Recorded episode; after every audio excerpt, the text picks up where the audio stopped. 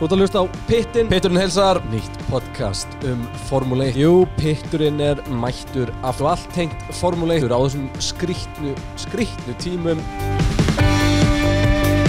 Hvað er selurinn? Komið með hann! Og því lendi Kristján Einar Kristjánsson aftan á Vigni.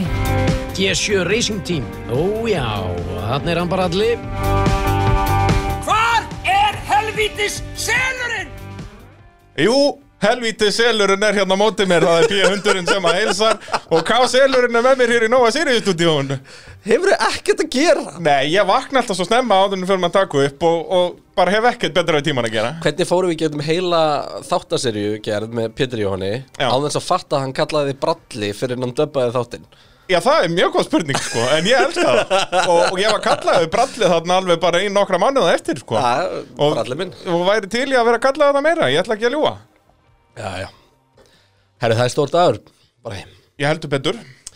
Í dag verður uh, Já, gullni bíhundurinn afhendur í fyrsta skipti við hátilega aðtöp því Þið neitið miður, sannig. því miður gátu sigurverðnir ekki komið í stúdíó til okkar um, formuleitt okkur menn hafa ekki tíma alltaf fyrir sótkví og koma til Íslands og eitthvað svona en um, við munum senda þeim gullna bíhunda Já, það er einn velunahafi, já, hugsanlegur velunahafi allan að sem fekk tilnefningu sem að kom til Íslands. Núna? Já, já, bara í mars. Uh, hver? COVID Hvernig fannst þér þessi?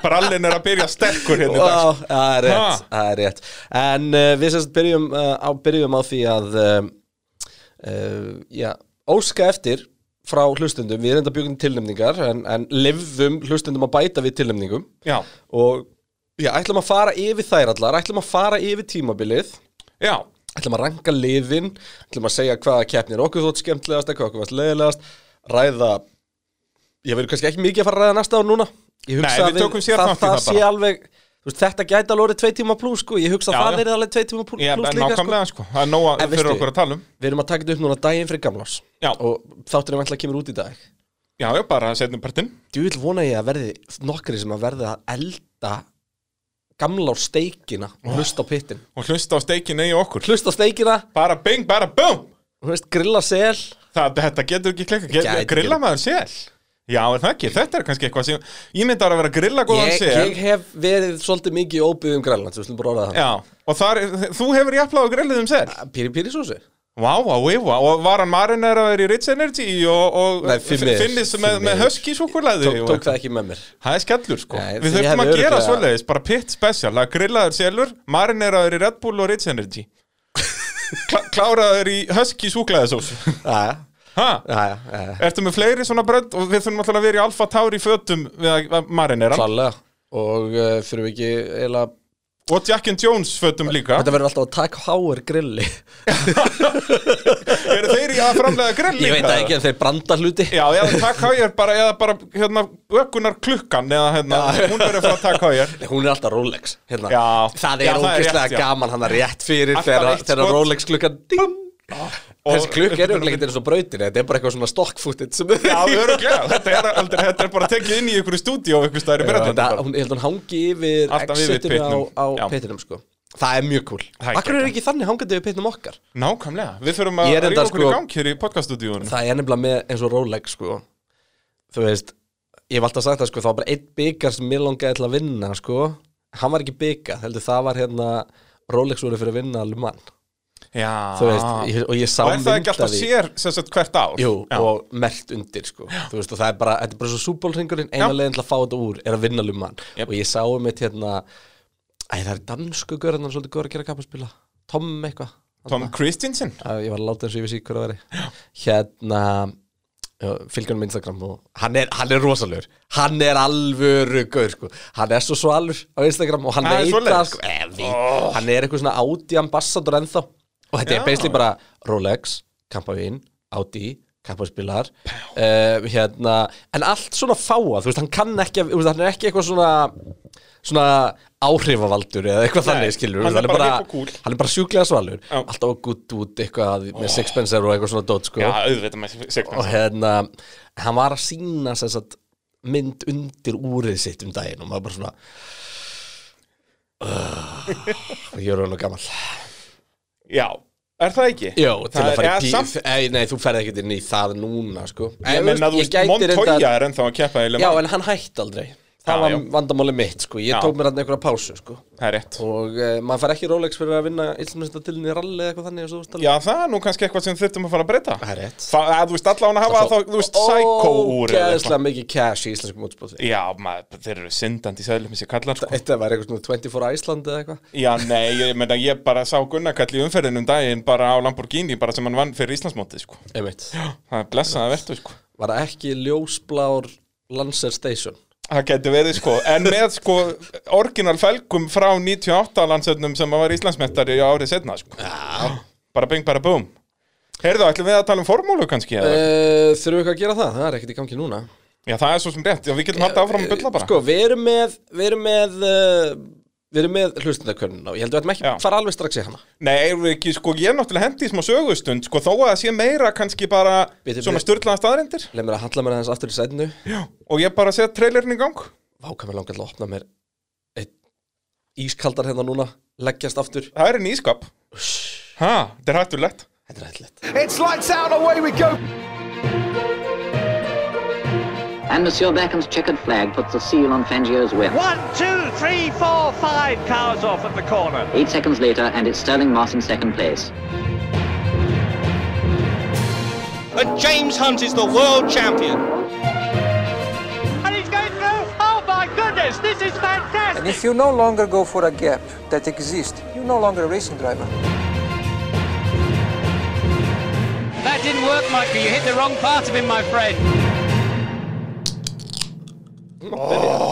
Býtu, ætla e, þú að, býtu, ég verð að fá líka. Oh. Mætti halda að þetta hafi verið planað. Heyrðu, dásamlegt, þá er komið að, að, já, fyrsta sögustundinni með, með öll í hönd. Mm. Mm.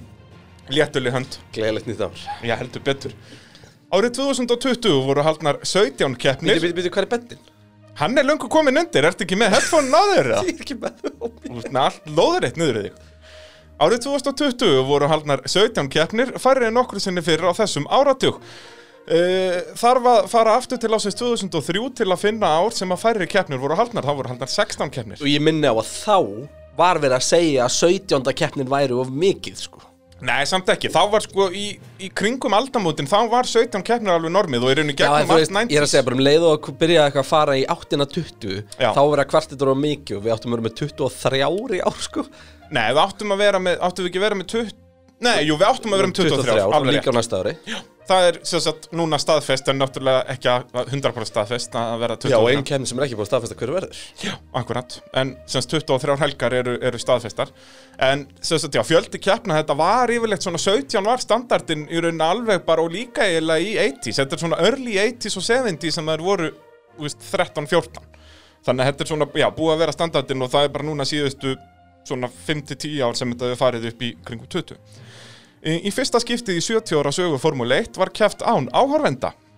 Ekkert svo styrluð það reynd, en, en það sem sagt Ekki hefur- heiminum í dag Já, já, en sem sagt, það hefur aldrei verið í 70 ára sögunni að enginn hefur verið upp í stúku. skilur. Þannig er að koma með einhverja skemmtilega staðnend næst Ekki eitthvað bara, uh, það mátti ekki horfa Uh, Já, það- það er alltaf að fá að keppnir En sko, uh, þe- eitthvað. þegar ég var að f- sjá þessa staðreind með að, að það sérst, voru engir áhörendur og, og var í fyrsta kipti engir áhörendur, það var náttúrulega áhörenda met í fyrra. Það var á, á Silveston, veistu hvað voru margir sérst, bara á sunnudeginum á Silveston, ekki yfir alla helgina. Fór það ekki yfir 300, úrst Það var yfir alla helgina. Það var yfir alla helgina Já, þá voru vantilega svona 120-30 þúsund á sunnudegi. 144.000 á sunnudeginum 355.000 yfir alla helgina Þetta væri eins og það væri formuleitt á Íslandi og allir Íslendingar myndum En með ég kerði þinn svona keppni sem að helgin kantaði yfir 300, úrst Það er svo leiðis Já, þegar spat hérna 24 hours var Já, Við vorum með þá og keftum við á undan og eftir henni já, og hérna svo reyndi bara að sofa já ge- gengur, gengur lítið Eh, Tímabilið byrjaði 5. júli, setna en nokkru sinni fyrr og lauk 13. desember. Aðeins tvisva sinnum hefur tímabilið klárast setna, það var 1962 og 63, þegar keft var á Prince George brautin í East London hverfi Cape Town í Suður Afríku. Þá var keft alltaf bara um áramót, basically. Þarna 62 og 63 voru Vá, 28. hvað ég var í des. til í eitthvað svona nýjárstags þingu kefni Já, sko, geggjað. eins og ég segi, þetta var alltaf þarna um svipaða helgi sem sagt, 67 var þetta 28. DS 63 held ég 30. DS og 64, þá var þetta ekki síðasta keppnin 64, heldur fyrsta keppnin 65 og þetta er keftu fyrsta jan Já, ok, það er það sem ég vil Ég veit að það var ekki Ég er enda bara búin að fylla það með pílunni Þú vil hún geggjuð Já, ú, talandi um öl í höndum að sætla minninga Þetta er svo miklu íþróttamenn sko 180 Geggjað. Það er svona fyllir, fyllir formúlu tómarúmið núna í, í, í desember Sérslega fyrir Arsalmann Já, dásamlegt ha, Dásamlegt uh, Michael Schumacher átti metið yfir að ná allavegna einum ráspól á tímabili flest ár í röð 13 sinnum frá árinu 94 til 2006 Lewis Hamilton slóð það metið í ár þar sem Bretin hefur náð ráspól öll þau 14 ár sem hann hefur keft í Formule 1 Hann er líka sigrað öllu 14 ára sem hann kætti formúlið ekki Já, sigur að allavegna eina keppni Já, og það er sko líka met það er nefnilega Nei, það er ekki met Hann að Schumacher náði að gera það 16 ári röð Já, ok, en það er eiginlega sko stærsta meti á Hamilton Algjörlega Hann he- hefur alltaf Að verið ná, upp þér að ná ráspól Þú veist líka á Mercedesunum fyrst og þetta sko Já, já, og McLareninum 2009 sem, og, og 10, eða aðalega 2009 bílinn sem var eitthvað almesta sorp sem þessu var að fara af, sko. Það er alveg magna sko. Já, ég bara... Og allir þessi topp ökumenn áttu alltaf eitthvað slæmt tímabil, Já.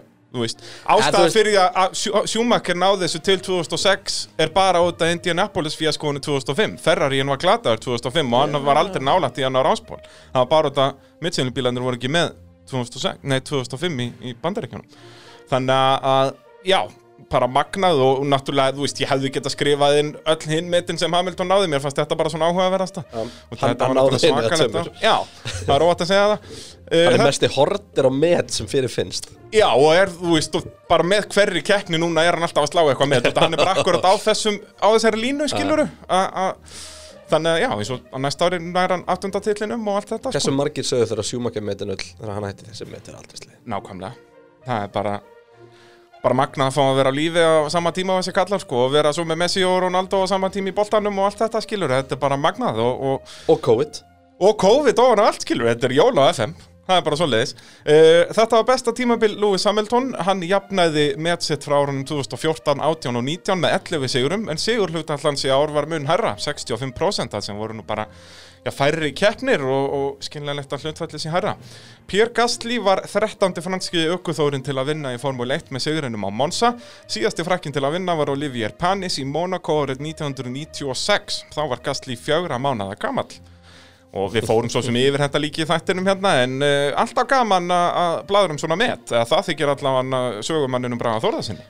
The B-Dog The B-Dog Lewis Hamilton náði hraðasta ráspól sem mælst hefur í söguformule 1 á Monza í ár meðalræði hans var 264 km á klukkustund Þetta eru svo margar staðendíðar, þetta er næstu ári Tveggja, Þetta er- tveggja þetta er- bauka staðendir Ó, Já, þetta hann fer að klárast sko. og veistu hver átti hraðasta ringin fyrir þetta? uh, Ég mista af þessa staðend Því ég var að, en Lú- þú ert að tala um Þú ert Sest að tala um að Kimi hraðasti Rækun hafi hringur. Nei, hérna, hraðasti ringurinn í Formule 1 Já, Var það ekki alltaf Montoya á Monza? Eða var það Kimi á Monza?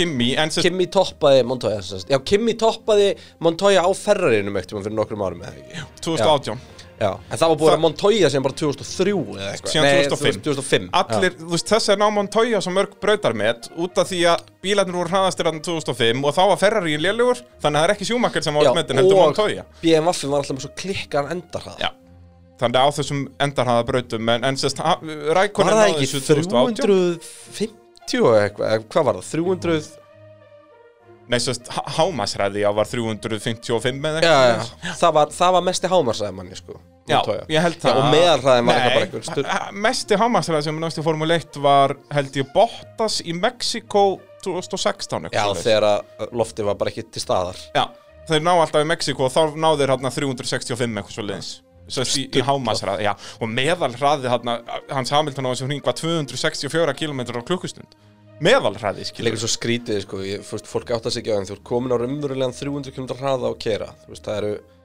Það er, og til mér segja svo Ég hef gert það á Monsa Já Þú veist, trén verða bara svona vegg einhvern veginn Já, já, þú ert ekkert að sjá eitt og eitt tré, gerir þér á fyrir Nei, en samt er svo klikkað að þú kemur inn í fyrstu byggju og þú veist, tænstjóriðin byggður um að bremsa 18 cm setna og þú bara gera það Skilur við Þetta er bara ruggla Þú dæmi veist, það bara heyra hérna leysilegin er að bremsa 18 cm setna Já, ok, það er að gera það Græja það í næsta hring bara ekkert, ekkert vesend Þetta er störla dæmi.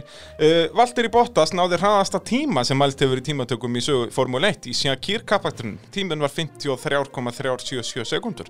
En það er náttúrulega ekki hraðasti sest, þegar kemur að meðalhraða. Hann var hann 239 km á klukkustund. Þá fljótasti Ég Já, sérst fljótasti Það í, stysta. í, í tíma, já, stysti, hvernig, hvernig sem maður orðaða það, sko. held að fatta allir hverjum minna Ég held það. Og það er náttúrulega magna með eins og eh, Monsa-ringin hann. Fyrra meti var frá 2018, út af það náttúrulega tímantakan 2019 var fýblaskapurinn, manstu. Þá náði engin röðum tíma í, í síðasta qualifying session, út af þeir voru allir að, í Game of Chicken.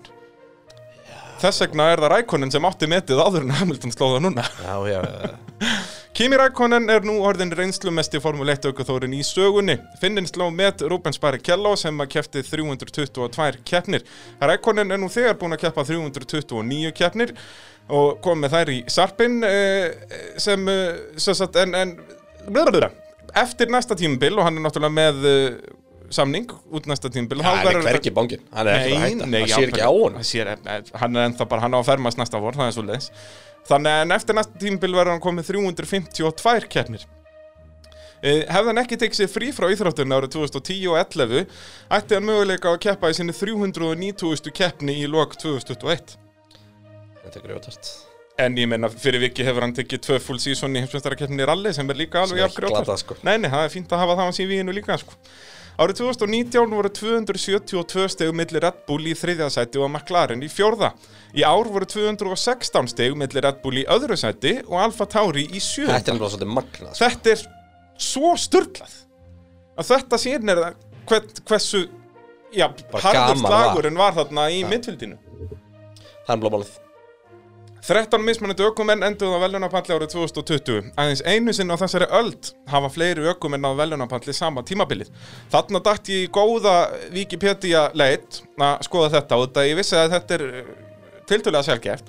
Ég gerði alltaf ráð fyrir að 2012 hafi verið fleiri, að það veri metið út að þá fengum við þú veist, sjö mismunandi sigurvegar í fyrstu sjö keppnunum og allt en þá voru bara 13 Uh, 2009 voru aftur nákvæmlega 13 og 2005 voru nákvæmlega 13 í eina skipti sem voru fleiri en 13 það var 2008 þegar þeir voru 14 og þú veist Þá var líka greiti stærra sko. já, þá vorum við með sérst, 24 aukumenn 12 lið og það var, þú veist, þetta var svona perfect storm og þarna vorum við með þú veist, fjögur, jafnvel fimm góð lið Já. og, og samt, þú veist, eins og við sjáum núna að þetta voru, voru þetta ekki voru þetta fimm lið sem Núna vorum náðu við eitt báðum mjög gott lið Eitt gott lið Og síðan nokkuð fín já, En samt náðu við 13 Já, þetta, þetta voru þetta ekki fimm lið sem náðu Þú veist, þetta tíðbyrð hefði ekki orðið þannig bara eðlilegt að það er enginn nema Mercedes og Red Bull komast á pall sko.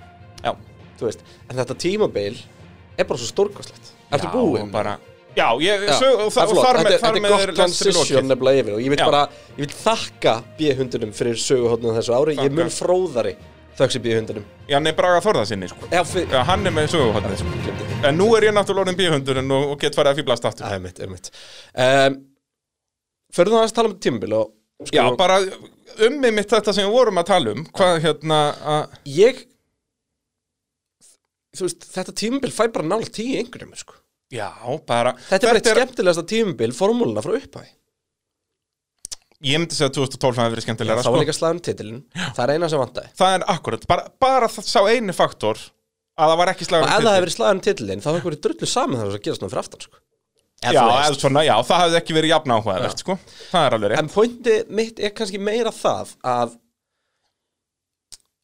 jafnvel þótt að keppninar ein og ein væri þannig sé hættar að skipta máli þetta var einhvern veginn ekki tímabil sem ég horfði eitthvað á stigakeppni aukumanna eða bílasmiða Nei. þetta var bara einhvern veginn hver og einn keppni var bara einhver veistla Já, sko, ég held líka það sem er að hjálpa okkur í, í þessum pælingum er því miður erum við bara orðnið svo vanir því að það sé ekki slagur um titilin. já, Þú veist, þannig að þegar það kemur svona, ef að þetta tímabil hefði komið, þú veist, 2013, já, þá hefði það ekkert verið jafn skemmtilegt. Já, ég Út að þá er það ekki var jafn svo mikil skemmtilegt. steikan Já, ég veit það, það hefði verið mjög Ég er að skemmtilegt. fara aðeins yfir, ok, þú veist, við byrjum á tveimur austurísku keppnum, það voru báða skemmtilegar Já. Fórst til Ungarland, hún var fín, hún var ekki leðileg, hún var ekki skemmtileg hún var bara En samt, svona þú veist, fín. fengum smá rigningu og líf Já, og þú veist, fjör. hún var bara fín. Já, já. Svo fyrir til í þessar tvær bresku Það Sem var voru náttúrulega- geggjar Já, seinna var nú ekkert spes. Jú, hún var það- út af því að þá loksist kom upset Já, já, reyndar. Talandi um það, ég hérna Það er nú eitt sem að við þurfum að geta onni okkur sem eru svona staðrendir og, og dót sem við hendum fram fyrir tímabilið Já, og út í við erum að tala um bresku kapasturinn sem var 50 kapasturinn og þar vinnur uh, verstafenn já. Við vorum jafnvel að segja að var alveg ágætis möguleika að verstafenn vorum með 75 stig eftir þrjá kefnis já, ekki segja við Þetta, var, þetta varst þú Nei, ég er nefnilega að hlusta á þetta Nú, já. og þú bakkaði það bara Já, ég 100% veit það upp Það- það- En þú komst með þetta á framfæri sko. Þetta er allt þér að kenna sko. En B, ég á klippu að B100 ja, Ég ætla að koma með þetta Nú, já.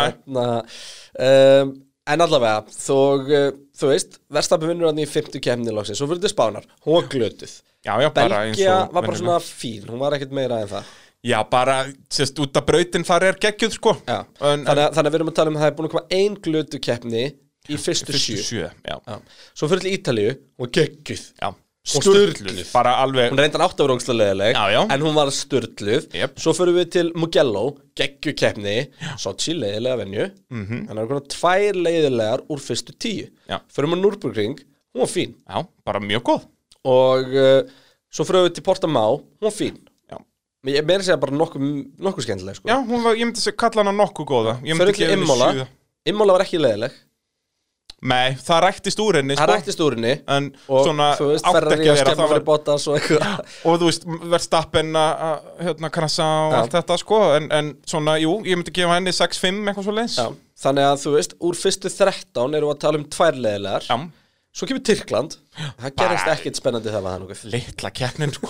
Ha, Svo komum við báða bara einn Sem voru báða að gegja Og svo komum Abu Dhabi Náttúrulega að venju til að skemma tímbilið En það voru þrjár af Þetta er 17 þrjár af 17 sem voru leðilegar Venjulega er þetta helmingur sem er leðilegur Og að því voru sko bara einn og sakir Frábærar um, Getur við sett Portugal sem frábær Hún var, Nei. bara, hún var góð Já, hún var góð, Já. hún var ekki frábær uh, Mugello, frábær, Monza, frábær uh, Silveston Tvisvar, frábærar Östuríki fyrsta, frábær Þú veist, ég er búin að tala um sjö keppnir sem voru frábær Sem voru alveg skilur 8 pluss Já, bara alveg svona, Í þú veist, maður einhverju, nennir að sko. horfa þar aftur sko. Já, já, og ég hef gert það bara mm, F1 TV, bara það er ég elska F1 TV svo mikið sko, sérstaklega þegar maður frá ára svona aftur, þetta, þá fer maður inn í bílana sko, far maður öll radio messagein live Já. og allt þetta, þetta er dásamlegt sko. Ég held að þessi er þetta líka hægt á Víabli Þeir eru með svona Já, svona interaktiv, já, þetta er allt orðið svona, þetta Mhm. er svo snjallt séð það til. um, En þú veist, þannig að þetta tímabil fær bara rosalega háa einhvernjum Algjörlega, og eins og ég segi, 13 mismunandi ökumenn á, á velunapalli, hvað vorum við með? Fjóra mismunandi sigurvegara? Fimm? Nei, nú vorum allan með fimm, eða ekki?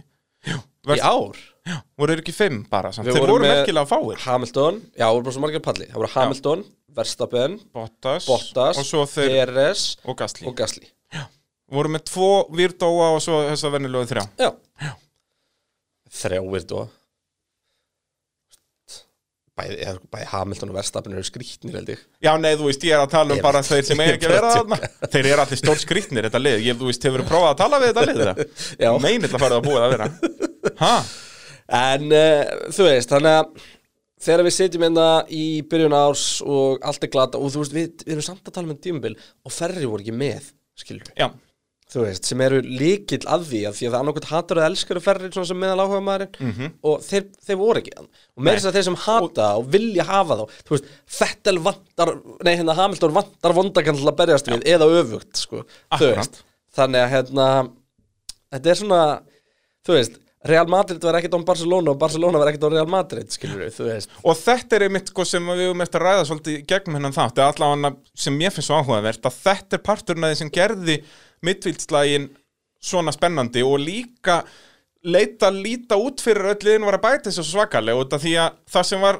solid sjöundasæti í fyrra þá var fjórðasætið í ár þannig að voru svo mörg stig í búkinn, Já, sko bara fyrir að vera þarna best af þeirra rest, út af því að Albon var ekki að gera neitt og Ferrari var ekki að gera neitt að þá, skilur að vera sjöundi í fyrra var geggjótt að þá voru bara þessi topp 6 á undan þér það var orðið að fjórðasæti núna þannig að þú varst að fá skilur áttastigu meira fyrir henni sama árangur Beint. og sjens á, á velunapalli og eitthvað Já, eins og við sáum að þetta var bara sturglun Herðu, um, eigum við að byrja á að fara yfir það hvernig við röngum liðinu og að fara beint í gullna bíhundin? Í þetta er allt mjög góða spurningar Ég ekki að fara bara í gullna bíhundin og semst enda á, á okkar upptalning út af því að þá svona getum við talað um skoðunarkunnar, getum blandað inn í já, ég Er það til ekki? ég. Fæ ég svona, Heyrðu, þetta er fæ náttúrulega- ég svona drumroll eða, eða, þú veist, við- Býttu samt fyrst, sko, við erum búin að vera í 25 mínúndur og ekki búin að tala neitt um bónstofuna Jú, ég er bara að fara að gera það núna Nó, gæti, hérna. við hugsum eins Út af því að uh, já, vinir okkar hjá bólstofunni Já, miklu þetta, mestarar. þetta elskulega fólk Þeir náttúrulega stöku til og bara Hei, við verum með Hérna, hendi velun fyrir, uh, sem sagt, við fáum að draga út einn heppin þáttökenda sem fæ bara 20 skurða innig hjá bólstofunni Sem er ekki amanlegu pakki maður Nei, og bónstofur náttúrulega bæði með bara dótjú sem vil gera þetta sjálfur en ef þú vilt láta stjana við þig Já. þá náttúrulega bara hendur við bílnum í, í þrifjæðin Þannig að, eh, já, eins og ég setti það inn á Facebook síðuna í nafni Pitsins ef þú ert ekki búin að fara inn á Facebook síðuna þeirra að læka og fylgja þeim þá elskar ekki Pittin Já, Því það er eh, svoleiðis. Það er bara þannig Já, það er staðfest Og, eh, já, ég get sagt þér það bara þú veist ekkert hvernig þessi könnu fór Nei, ég er mjög peppaður yfir því Ég er sko, nefnilega út ákvað að er með- senda með ekki mín- niðurstöðuna, sko. Já, já, út að ég er búin að Ég er með það sem ég kaus En, en já, ég veit ekki hvernig það fór sko. Já Eh, Ég er að spáði taka þetta í öfuri röð Wow uh, miða við hvernig ég sett upp því að Ok. þú veist það var fyrst hann að aukumar ásins og verður maður ekki enda á því eða því að það er líka svo brjálæðislega spennandi kemni Jú, jú, það er hérna bara Whatever you want, Christian um, þetta var semst þannig sett upp að við settum inn um, okkar tilnefningar Mhm. -hmm.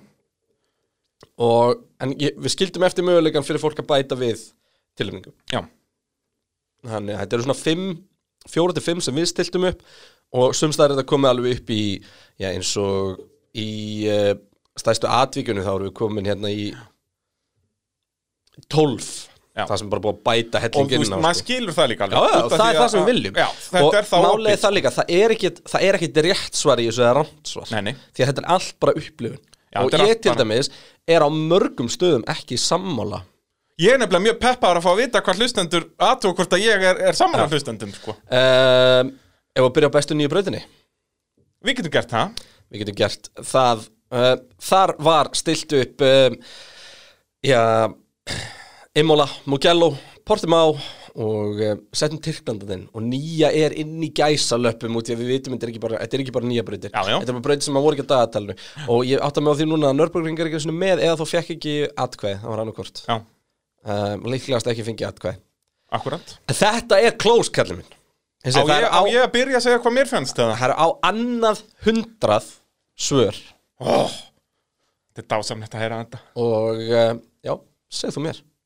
Sko, mi, ég, ég horfði á þessa spurningu þannig að þetta væri ekki hver væri besta brautin upp á bara að mæta þarna á track day og bara hver væri best hannaða brautin ég horfði Já. meira á hvernig Formule 1 keppnin spektakulið. var já. og bara hvernig þessi Formule 1 keppni fór eða sem sagt, já, a- a- árið 2020 þannig að þá var ég að hafa þetta á Tyrkland út af því að þú keppni var bara og það var í rauninni minnst brautin að kenna það var bara resurfacinginu það var ekkert eitthvað hvernig brautin er lögð Já, þetta er eiginlega, við hefðum eiginlega mátt setja hann líka bara um, hvaða braut af þessum myndur vilja festa, sko Já, Í út af því að dagatalinu. það er til dæmis faktor sem ég tek ekki inn í þetta sko. Nú, ok, ok, þú varst bara að horfa að kemna Já, ég bara horfði Ok, á hvernig 2020 keppnin var og, og þar fannst mér Tyrkland standa upp úr. ég hefði þá kannski bara þurft að orða þetta betur Þa, Þá hefði ég ekki þurft að útkýra 25,6% hlustenda eru sammálaðir Yes, en er það það mesta? Nei, það er þriðja God damn it Þetta er svo close Ok, Immola er neðst með eh, 20,5% atkvað já, neðst með 20% Já, nema Það er- Nörbúring hafi verið hann með 0% Já, kannski um, Tyrkland var með 25,6% í, í þriðasendinu Í fjórasendinu með 26,5% atkvæða og þetta er svona kostningavaka Já, þetta er ótrúlegt er uh, Portimá Já. og það því er að Mugello er í fyrstsendinu með 27,4% Já. Það kemur mér aðeins og óvart Já, það gerir það Út af eina sem gerir þá keppnin skemmtilega var bara rauð flagg Það var ekki Nei, það sem gerði á kenni skemmtilega var það var action í byrjun þú veist, hún er old school að horfa á bílina, keira þess að brautaruna ég myndi vilja hafa Mugello, mér fannst hún kom með alltaf að dýna mig heldur en eða alla brautaruna með En þú veist, við töluðum aðeins um þetta hérna í einhverjum þætti í, í bara Já, núna þetta, undir þetta lok. var alveg efni í drefleðilega keppni sko, geggiða Já, tímatöku en þú veist, það, drefleðilega keppni það er ástæði fyrir því að ég myndi ekki ég myndi freka vilja að fá Portamá og, og ég myndi freka vilja að fá Tyrkland þó að það var raunalega rigningin og nýtt Malbygg sem gerði þá keppni sko. ég ásvölda erut með að velja upp á milli bandamennu því ég, á- mér finnst allar þessa fjóra brautur eiga heima á, á kaldan ekki í móla hún er allt og þrjum, hún er hún er drep sko, hún var drep leiðilega árið 2007 og hefur það ekkert er enda skánað rétt, það er enda rétt Það er, en, en ég er sammála, hinnar þrjár eru Ég, veist, ég myndi geggjaðar. alltaf vilja Samt fara til ekki- Immola frekar en Sochi sko. Já, já, þú veist, það er, við getum ekki fara að bera þetta saman við Abu Dhabi eða Sochi eða Paul Ricard, skilur, við erum bara að bera Þeir þessar þurfa bara að fjórar. laga Abu Dhabi Já, Þú veist, Það er Eins ekki og eins og við töluðum um smatti bara. sandarna í undirstöður sko. nei, nei, það er nóg til, sko Hallaði henni bara aðeins, gera hana skemmtilega Breikkaði hana, takti út sér keinið, gera eitthvað Gera bara eitthvað Nákvæmlega, Eitthvað. bara Það er allt einhver betra breyting. heldur en þú nú Já, sko. það er akkurat málið Það er eina alveg sem sama Abu Dhabi hefur er hún er ógeðslega cool Já, Þú þú veist. veist að keira undir hótel og allt þetta er alveg svaka töff og það er ljós og þeir keira inn í nóttina og da da da da En, já, Allt annað er glatað jöp En, sem sagt, hvað, ert, ert þú s- sammála, sem sagt, hvað, hvað mynduru Sko ég var rosalega hrifin um Mugello Ég, Já. þú veist, en það Þar erum við getur svolítið verið ósammála. Það Ég er getur verið að ekki- það hefur verið svona bara einhver rómans sko. Já, þetta er náttúrulega geggja og inn í þessum dal þarna, þetta er alveg dásamlegt, sko um, en Ég, þ- sko, Tyrkland á klálega heima á dagatalinu Já. En þú veist, náttúrulega einhver bílalega sem á þetta núna Nú þetta sem bílastæð um, Tyrkland Portamá myndi já, ég Ég vinna. eiginlega, ég eiginlega hefði Ef ég var að kjósa hérna hefði ég sett á Portamá Ég, set- ég set Portamá undan Mugello, sko Já, ég held að En, þannig að uh, Ætla þú að sjá um að fara með gullna bíhundin Stittuna til Mugello Já, ég bara, bara næstu því fyrr Við sendum bara Baldur Jónsson hérna fyrir um Íslandsmeistari rally, hann á heima þannig rétt hjá Já, Hann bara næstu þegar hann kemur til landsins skokka bara með hana Já, já, það er ekkert mál Keppni ársins B-hundur Og uh, hérna var svolítið mikið af uh, mögulegum mögulegum Já, uh, Við vorum með uh, hann sjá Hann er þetta Við vorum með Vá, þetta er svo margar já, já, telt þetta bara upp Já, ég greinilega var ekki með það inn í skjálun okkar en ég þarf að lesa það upp úr niðurstöðum Já, það er nefnilega, sko, ég er bara með skjalið Þannig Já. ég er bara að hlusta á þig Já, ég sérst byrjaði að búa til könnum þar og svo bjóði Já, henni svo aftur til bættur inn bara í við, já, lúmski strákur Í keppni ársins var, uh, voru valmögulegandir Östuríki 1, Silveston 1 og 2, Mugello, Monza, Tyrkland, Sakir, Bahrein, Portimao og Imola. Ég held einhver að hafa bætt inn Imola, ég held ég hef ekki sendið þessum keppni ársins. Ég eh, er með mitt svar Mig grunar ég sem er það sama. En það, Já, byrja á M. nei, Nú, hvað er þitt? Shakir Já, hún var stórkostleg, en þarna held ég að nálaðinni keppnin að sé að blinda þig. Nei, ég, við- sest, bara í undirbúningnum mínum fyrir þennan þátt að það er í mjög mörgum punktum er ég að tala um Shakir Hún var náttúrulega störluð. Já. Hún var störluð frá aðtilu. og þú veist var öðurvísi, mjög öðurvísi Já. og, og svo margir punktar að tala um þú veist, svör mín við mikið af spurningum tengjast og eitthvað þannig Shakir Svo var Tyrkland líka Bara til hún var svo Já, já, styrklist þeir, það er sama sko og þú veist, mér langaði að segja Tyrklandin ég sagði það áðan, þannig á hvað að breyta aðeins til núna en það er Ég mér á náttúrulega erfitt með mjög að gera að- um upp á milli Já, hérna. ég er alveg samanlegaðir Þetta er eiginlega Tyrkland, Sakir og Monza já. og svo eiginlega Silvestóð þar að Hamilton vinnur á þremindekjum þetta Já, keppin að verið þá- já, dref vá, þú veist, það það er var bara enda- svo mikið moment bara þeir, já, ef, sko af momentum að þá er það sennilega upp þeir út að það var bara svo vilt þetta var svo steikt hann vinnur keppna með, þú veist, hvað voru þetta, 5 sekundur á þremindekjum af þremur dekkjum Já. þú veist, það er bara, ef þetta væri Hollywoodmynd værum allir bara, galli, glemdu þessu Nei, ég veit, bara hættu hefði- þessum fýblaskap Come on. þetta er ekki formuleitt, skilur Wonder Woman um getur ekkert ós- nota Óskastein já, bara uh, reynda að hafa þetta pínur ömurulegt en, þú veist, út að svo keppni var, hún byrjaði bara á þriða síðasta hring, það gerðist ekkert þannig fyrir að þá myndi ég ekki setja hana sem uppáhalds keppnina en eins og Tyrkland og sem Kýr, þetta var bara kaos bara fyrsta hring og Sakir náttúrulega, þú veist, er aftast var og fer Já, en Tyrkland náttúrulega út að það var meira kaos Já, og meira bara Samt einhvern ekki, þú veginn veist, steik það kom ekki öryggisbíl Jú, það var bara þegar Giovanazzi bilaði, þá kom öryggisbíl Það spáði því Það var ekki, menn fór ekkert að krassa En svo náttúrulega líka, þú veist Brautin- Brautastæðið er líka þannig að þú getur farið út af hann sem bara stöðum sko. Já, samt það er gras og malagrifjur Þetta er ekki, þetta er ekki bílastæði sko. Malbygg fyrir utan og Já, já, flestu stöðum það er rétt, það er rétt Um, á ég að fara yfir hvernig úslitinni þessu fóru hjá hlustum? Já, ert þú ekki, ætla þú að setja á gerðingunum með þetta? Ég set með einhvers staðar hann að Monsa, Sakir, Tyrkland, Vagnar, Ok. sko. Og hvernig, hvernig fór? Um, Bahrein er í neðsta sæti eh, af þeim sem voru tilendar með mm 0,9% atkvæða. Mér finnst magnað að hún sé fyrir neðan, þú veist, eins og Silveston 2 Já, Silveston 2 var með 2,6% atkvæða ah, ok, ásamt Silveston 1 uh, Immola með 1,7% og þá fyrir við að koma upp í svona einhverja sem fengu einhver atkvæða, einhverju viti uh, Í fimmta sæti var Östuríki 1 Já. með eh, 5,2% við kaupið það Já, algjörlega Það var, var það ekki þegar að þeir ferrariðanir fara Norris nær í- saman og, Nei, það var Östuríki 2 nú já, en Östuríki þarna 1 er var þegar Albon að og Norris nær á Hamilton og- pallin Já, með indislegu scenari og síðan hann að síðustu og Leclerc er í öðru sæti Akkurat, og Norris átt að vinna Leclerc Svona og, eftir og á að hyggja. Albon átti að vinna kemna Það er blómálið. Uh, fyrir mjög það eftir. Uh, Östuríki 1, þannig með 5,2% atkvæða, frábæri líka bara þú veist, byrjun á tímabilinu. Jep, Uh, fyrir ekki, Portamá var þar fyrir neðan með 4,3%. já Sorry.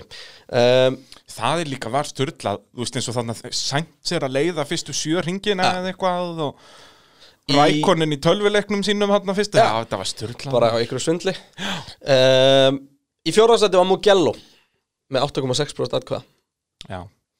Þarna held ég, þú veist, já eins og ég segi, það, rauðu flöggin hefði mikið að, með það að gera sko. 100%. En þetta er líka bara, þannig eru ekki að tala um neitt annað en bara kepp. Já, já, alveg, alveg, alveg sammála um, Í þriðasæti var Sakir Já. með 17,2% atkvæða Þannig að þar fyrir ofan eru þá hvað Tyrkland og, Monsa og Monsa Ú, hvað skildi koma á undan með 23,3% atkvæða í öðru sæti Tyrkland og Monsa, Það er Monza sem með tekur það. afgerandi sigur 33,6% Enda var líka, þú veist, Sainz var hálfri sekund á eftir Lokaringindin á og bara- Monsa já. eru eitthvað með spennandi sem að þessu nailbiting dæmi það er til dæmis Shakir hafði ekki svoleiðis stemmingu sko Nei. það er mjög góð punktur og sama með Tyrkland í rauninni en samt ta- fengum við Tyrkland náttúrulega með klerkfeilin í endan og Vettel kemst að pall Já. þannig að við fengum alveg svoleiðis það var aðalega Shakir sem við fengum ekki eitthvað svona Já, en við samt sáum líka heartbreak skilur strólbyrja hrinna niður listan af yngri ástæð einhvern Alveg rétt, veginn já. og þú veist og líka bara hvað þetta var steikt að horfa á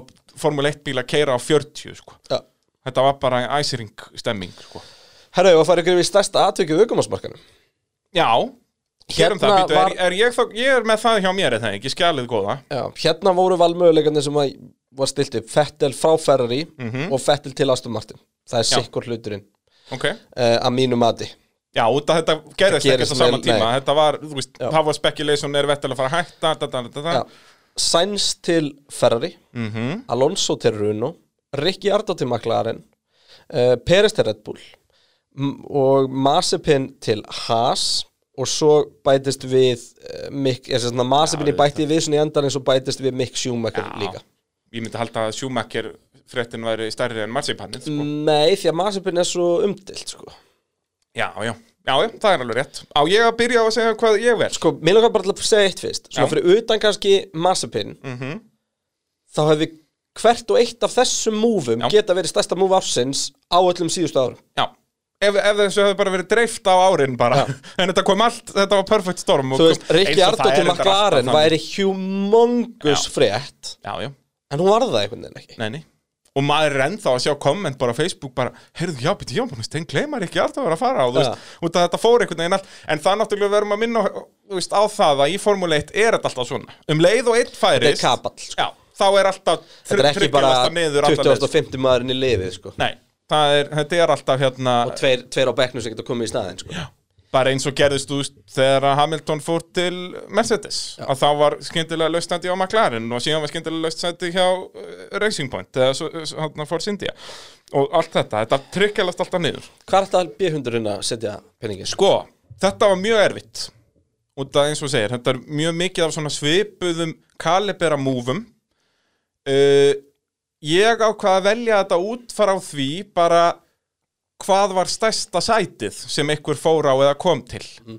Þannig að þetta verður að vera perist til Red Bull Red Bull sætið er það stærsta ég er ekki sammála Ok, hvað, ætlar að segja hvað þú velur eða að fara fyrst í Ég ætla að segja hvað ég vil Ok. uh, Mér þykir langstæsta fréttin andan Fettil Já. Frá Ferrari Ég er svo sem sammála því Og sko ástæðan fyrir að mér finnst það stærsta fréttin er A. Það hleypur öllu hinn á stað mm Og B.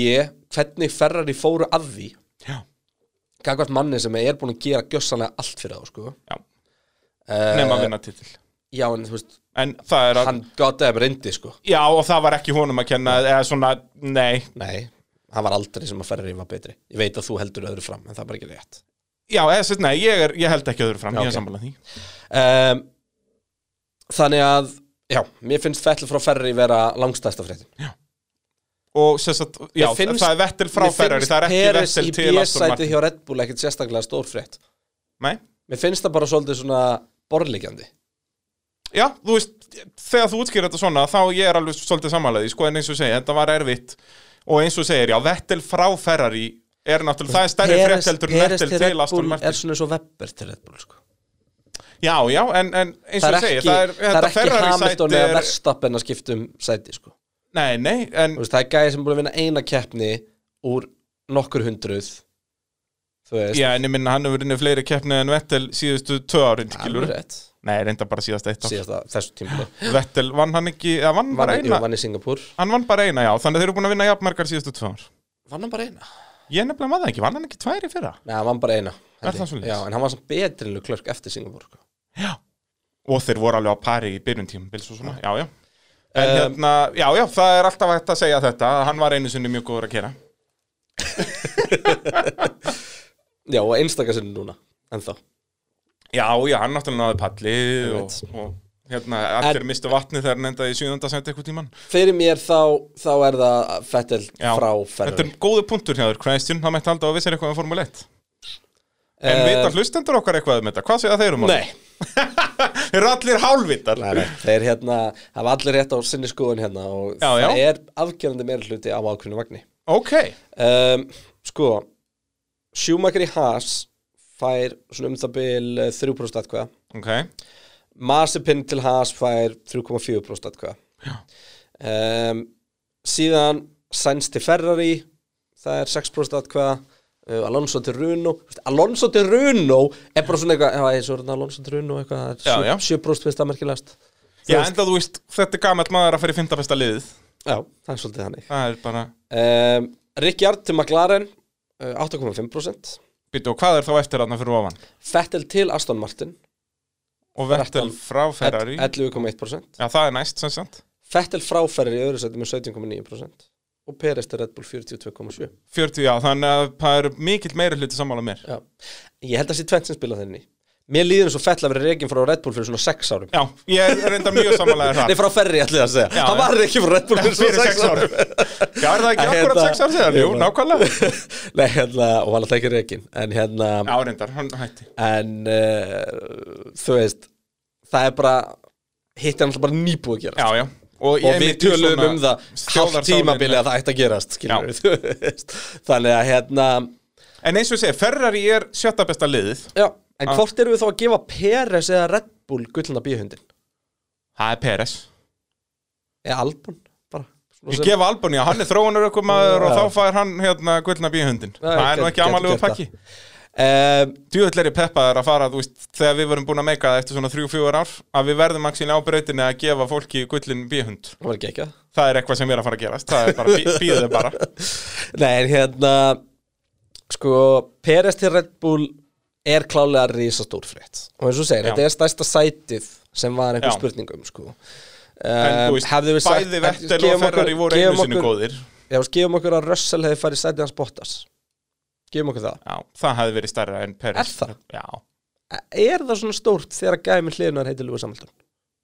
Já, bara út af því að það er stærra sæti Þú ert samt heldur að en- fara að vera number 2 sko Og Já, já, alveg eins og ert að fara að verða í Red Bull skilur, af hverju það er merkir bara- þetta Peres ég að fara að vera number 2 hjá Red Bull? út af það er stærra sæti heldur en að vera nummer Þetta eitt í sæti er ferra bara ekkert stórt nema og heiti Verstafinn ég, þú nærð betri árangur, ok, hættum að tala um stórt sæti og það meikar hvað sem er engan sens Já, Að bara þú Perez nærð fær betri mjög árangri. lítið sæti, já, ég, bara ég, alveg. ég segja, Russell myndi fá miklu stærra sæti sko. en hérna bara hann er betri árangur í þessu sæti heldur en Ferrari gerir í Aston Martin skilur. Ég er bara ekkert svo Ég er bara ekkert ekkert svo samfærin um það Ú, ég klakka til í, í uppbytunum Ég, þættinum ég, ég, er okkar þegar ekki, við förum að tala um ég þetta. ætla ekki að fullir það sko Nei, nei.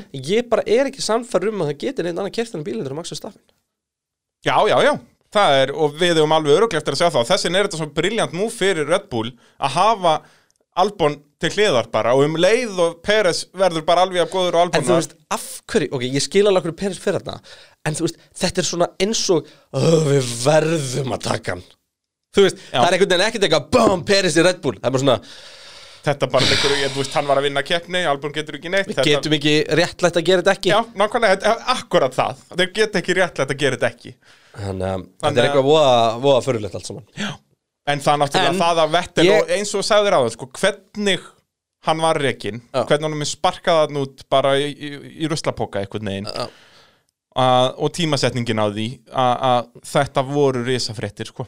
Það var það Og sko, alls ekki miskilum Ég er ekki að segja að Peris verði eitthvað glataðar hjá Red Bull Hann verður alveg pottitt betur en Albon En ég er bara ekkit viss um að Peris geti kyrt lélegan bíl Já, svo er það náttúrulega líka. Þú Eh, veist, þú hvernig veist, höndlar eh, hann ok, ég erfiðan ætla- bíl? ok, Ég ætla að misk- ég ætla aðeins að breyta Lélugur er langt frá að vera Já, rétt orð. erfiður. Erfiðan bíl Já, það er, það er nákvæmlega svo leiðis. Hefði mér áhuga að vera pælingu um þetta um Fettel með þetta að sko alveg bara frá því að blóndi fjúsinum var tekin af hann það sem hann hafði umfram alla aðra var það að hann var með svo mikið confidence á stöðan afturhenda að hann var komin á gjöfinni bara 5 metrum fyrr heldur en Webber í öllum beigum Við fórum yfir þetta í einhvern þetta manni. Já. Og- Og, og þess vegna, þú veist, hann hefur aldrei getað yfirstýrðan bíl. Nei. og En nú- það þessir var bílar beauty- eru yfirstyrir Já, já, en þess vegna þeir náðu að hanna bíl fyrir hann þarna í Ferrari, þú veist, ég er 17, nefnilega að 18 held að er bara, ef, þú- ef þú býr til bíl sem að gefur Fettel confidence þá farðu gamla Fettel aftur Já, 100% ég hugsa að Racing Pointin séðan Alstóð Martinu Já. Þú veist, því að bensin lúkar Og líka, hvorki þú veist, yfirstýrir né þeir munu undirstýrir. gefa honum núna allt sem hann vill, sko Já. Þú veist, þe- Þess vegna voru þeir að kaupa hann Já. Þannig að Fæ, hann er að fara- með þess að fara frá herbyggja hans dról það er svo leiðis Já, þú veist heima hjá pappans Húi Dról fyrir bara í litla herbyggið Já, hann fer bara í garðhúsið Bara komið nýjan son Hver væ- myndi ekki vilja eiga einn vettel sem svon Vombriði tímabilsins Er ég á uh, Og ég, guldni B100 Fer til uh, Sergio Pérez Svo Red Bull Kann ég á að taka hana? Nei, Þetta Nei, þetta, veitist þetta, er, þetta er samtalið fyndið Það er þessi þú getur kjúa hinn núna kallar minn. Ekki í dánsatt, bara eftir með tilbúin Já, Því að við erum að fara í vombriði tímabilsins jöfull er ég án góður á tökunum maður Rugl, sko Hæ? uh, Vombriði tímabilsins um, Þar var eða, Þar stilti, stilti við upp Mm. Ferrari bara, Já, sem- bara Ferrari bara punktur. Ferrari, Já, já. punktur.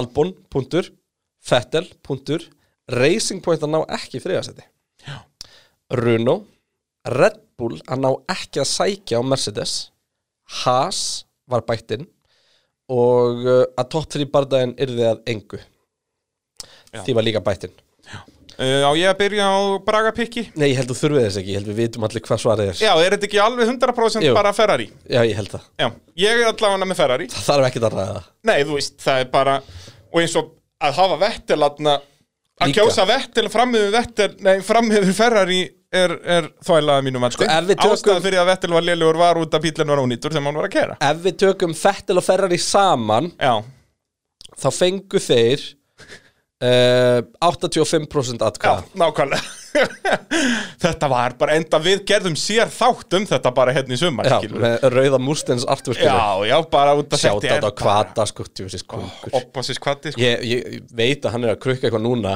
Er það svo Ég fæ- við, Það mun, mun, náttúrulega fólk er búið að sjá það þegar ítir að Já, blega á þessu reyndar. þætti En við erum ennþá, ennþá búin að sjá það Já, artverkið verður eitthvað geggjað ég, ég veit það Tjóðlega er svo leiðilt að vera eitthvað glata Já, við erum búin að senda leiðind að pressa á kvartan okkar En hann vinnur best undir pressu Það er rétt um, Þannig Nei, að já, en fyrir gefðu, ég er að bulli þér Nú. Þetta er ekki Fettel sem að fær Fettel fær bara fjö- hérna, 3,4% atkvæða Þetta er Albon sem fær 24% Já. atkvæða Er það líka megar alveg sens sko Ég bara, hann er ferrari rauður í kökurutinni hjá mér þannig Ég Já. veit bara að þetta er Fettel En þessir tveir náttúrulega gera það að verkum það sem ég var að tala um á þannig að sjöundasetti í fyrra var skyndilega fjórðasetti í ár Þannig að F- Fettel og Ferrari fengu 64% atkvæða Saman Já, þannig að Og Ferrari sem sagt, voru Ferrari eru 60. afgerandi sigur verið með 59,5% Já.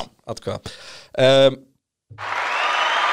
Til hamingju Ferrari The golden bee dog is yours Yeah, come and claim it Einu byggarinn sem er unni ár Heru, það er rétt, já og, En Vettel náttúrulega vann meistaradeldabikarinn í Það er síðustu rétt, keppni. það er rétt. Þannig að en Ferrari liðið vann, vann hérna, Um, gullna bíhundin Sko Red Bull að ná ekki að sækja á Mercedes var alveg 10% Já, út að sko sérstaklega En ég veit það ekki að hvort- Ferrari fór hérna úr spilinu sko. Já, ég líka veit ekki hvort það eru vombriði að Red Bull séu vombriði, mér er bara svona vombriði á tímabilið hild, Já. fattar En þá náttúrulega, Eh. um en hvernig var þess að dum að það hafi ekki verið þarna slagur eða hvernig var þetta orðað að, að top 3, já, það var ekki slagur en top 3 Já, veist, fyrir mér er Red Bull ná ekki að sækja Mercedes Já, það sko mér finnst það sama sko og það er, þú veist, það er uh, undir einu prósendi þannig að það eru bara einu eða tveir sem að valið það Já, já. Um, þannig að við setjum það bara með þessu þannig að þetta er 10%, Það er 10%. Uh, Fettel farið á 3,4% og svo er allt bara hitt, þú veist, reisum hóttir ná ekki þriða sæti, svona þetta er allt bara 1% Þetta er bara Ferrari, Já. afgjörandi sigur við þurfum ekki að ræða þau, við þurfum bara að ræða allt tímbilið Já, farið bara að hlusta á Ferrari þáttun okkar Til ef, dæmis. ef, ef þið viljið, en við ræðum þetta líka aðeins og eftir Það er svo gaman, ég, ég elska að drölluðu Ferrari, þetta er dásamlegt Herri, og fær ykkur yfir í svekkelsi tímabilsins Já, Hérna voru valmöðlögnir Russell í Sakir, Albon tekin út af Hamilton í Östuríki, að Grósjan hafi ekki fengið kveðvíkeppni, að Sainz missi af sigri með eh, 0,4 sekundum, svo var búið að bæta inn hérna Ferrari og Leclerc tekur Max út í setni bara einn. já, Sem er þetta alveg góð punkti því að það var náttúrulega kent sem bara, hérna Max hefði alveg getið unnið, sko akkurat um, en ég held ég þurfi ekki einu svona að ræða þetta því að það er bæði, þetta er svo recent og hérna og uh, þetta var svo mikið heartbreak Já, sko, ég held að allir vita að við sem að tala um Russell í Shakir Já. og það var mitt pick Samt sko sjátat á, sko ef Albon hefði ég átt nefnilega- gott tímabil Við erum bláttu smá símtali gær Já. þar sem við rættum þetta og ég nefnilega er pínu á því að Albon tekur mynda Hamilton hafi verið stærsta svekkelsi Já, það er bara út af því að Albon skeitt svo mikið á sig að allir hata hann, eða þú veist, Ég held fíla hann nefnilega- ekki ég, sko, ég held nefnilega þegar Hamilton tekur út Albon í Östuríki þá ætti Albon að vinna þessa keppni Já, og, Og þá hann var hefði bara on tímabili course. verið svolítið öðruvísi fyrir hann, sko ég, það er oft talað um að mörk breyti leikjum og svona sko Akkurant hvað, þú veist, hefði Albon ekki bara, þú veist, bara út með kassan, bera ofan, barið sig á brjóst og tekið slægin Já, allavega svona með byggar í eitthvað, farteskinu. sko. Já, já, þú veist, hann, hann hefði ekki orðið lélegri Það er, ég get svarað þessu þannig Já. Hann hefði alveg pottet Ég nefnilega held- allavega fyrstu keppnunum verið aðeins með meira sjálfströst og Þannig að eitthvað einn tvísvar, það gerðist alltaf tvísvar náðist í röð, Já. Brasilíu fyrra og svo núna, það sem að sjálfstörtið hans Al- Albon er bara hakkað af Hamilton. Já. Það er bara If you no longer go for a gap that exists You're no longer a racing driver Og en Í þarna- hvort skipti var það nú, það er raun og veru. Já, já, en þú veist, þarna er bara verið að segja nei basically við því við, við Albon þess að hann, hann sjálfströst segir, herðu, nú verður að fara að passa þig og, og já, já, þe- þetta var hitt á, á sjálfströstið og, og það bara skipti smakalegu miklu máli í kappakstri Þannig að En ef að fara yfir Vissulega. þetta um, Leclerc tekur Max út í sinni bara einu og Ferrari voru bara með eitt atkvæði hvort uh, Sainz missir að sigri með 0,4 sekund og Monza 5,2% Já, það var svo mikið samt þar Það var náttúrulega, þú veist, á venni lári hefði það verið svekkelsi en fyrir mér var það ekki svekkelsi út af því að það var ekki Hamilton eða eitthvað sem hann var að fara fram úr, skilur Þú veist, svekkjandi fyrir hann en ekki fyrir mér sem áhörunda Já, nei, þú veist, ég myndi segja að það væri meira svekkjandi út að það var Gasly en ekki Hamilton sem vann, skilur Já, Út af en þú því veist- að hann átti að en- vinna þessi Já, keppni. fyrir, fyrir Sainz, Já, já. en við fengum ekki bara eitthvað að Hamilton vann inn Nei, já, það er það sem ég er að segja, þú veist, þetta var ekki þannig svekkelsi fyrir neutral gæjan, sko, en, Nei. en fyrir Sainz var þetta vissulega, en, en Já, því að hann átti, hann átti að vinna þetta já. um, Í þriðja sæti Jamt, já, já þetta, er, þetta er jamt Er Grósjan fær ekki kveðukeppni Og ég kaupi það alveg, þú veist af hverju? Hann á það alveg skilíkalinn Nei, þú veist, mér finnst þetta miklu betri endir að hann verður miklu meira m- sest, m- muna eftir honum eftir þetta Aha. Já, bara ef, ok En ef hann hefði komið tilbaka allur brunnin og þú veist, í vesinni með hjálminn sem krakkarnir teknuði í síðustu kemna og fengið að gráta hans í talstöðuna og spóla nokkra hringi og eitthvað. Jú, jú, þa, Nei, svo þa- massa gerði aftur og aftur og aftur og aftur. Ah, Já, massa var að stunda þetta alveg í svona fjögur ára að gera þetta, sko En hérna, jú, jú, dramatískasta það efver hafði þegar hann verið fínt lappar inn í pitin í Brasilíu svo- hágrát og allir grátandi, öll stúka grátandi Svo mætir hann bara Ást- Ástralíu næsta síðan eftir, ekki vandamáli jók Já, Þetta er svona svo að Létt grín í halda- mér. þetta er svona svo að halda jarða fyrir á hann og þeir sko Sjúmakir gerir þetta náttúrulega tvisvar líka sko, nema hann grét bara í fyrra skiptið hann, síðan djókaði hann bara með þetta árið 2012 bara, heyrðu, nú geti ég verið að meina þetta en hérna með Grósjan sko jú, gott að, ble, gott að blessa ef hann hafi mættu brunnin og, og verið maðurinn og eitthvað en, en bara miða við ef hann hafði ekki lent í slísinu og bara klára fyrirlin, verið í solid átjöndasendi og gert tvo dónuta með Magnussen í Abu Dhabi það miða við að enda þetta í fireballi og vera maðurinn að þá allan tímar frekar taka færumbólinn sko. Það er rétt. Eh, Ég er hérna, enda myndir alltaf sleppa því að taka hérna- Já, færi ég segi það, ég, ef ég var að að tala við grósjan um þetta myndi ég Ah. ekki orða þetta svona sko en sem áhorfandi að þetta er geggjað Ah. skilur og nú á hann téskirtur með sjálfum sér með you're a hero, ble ble ble ble Ah. eitthvað skilur T-skirt, já téskirta, það er bólur ég átta mig á því já, já, við viljum engar ambögur hér í pitnum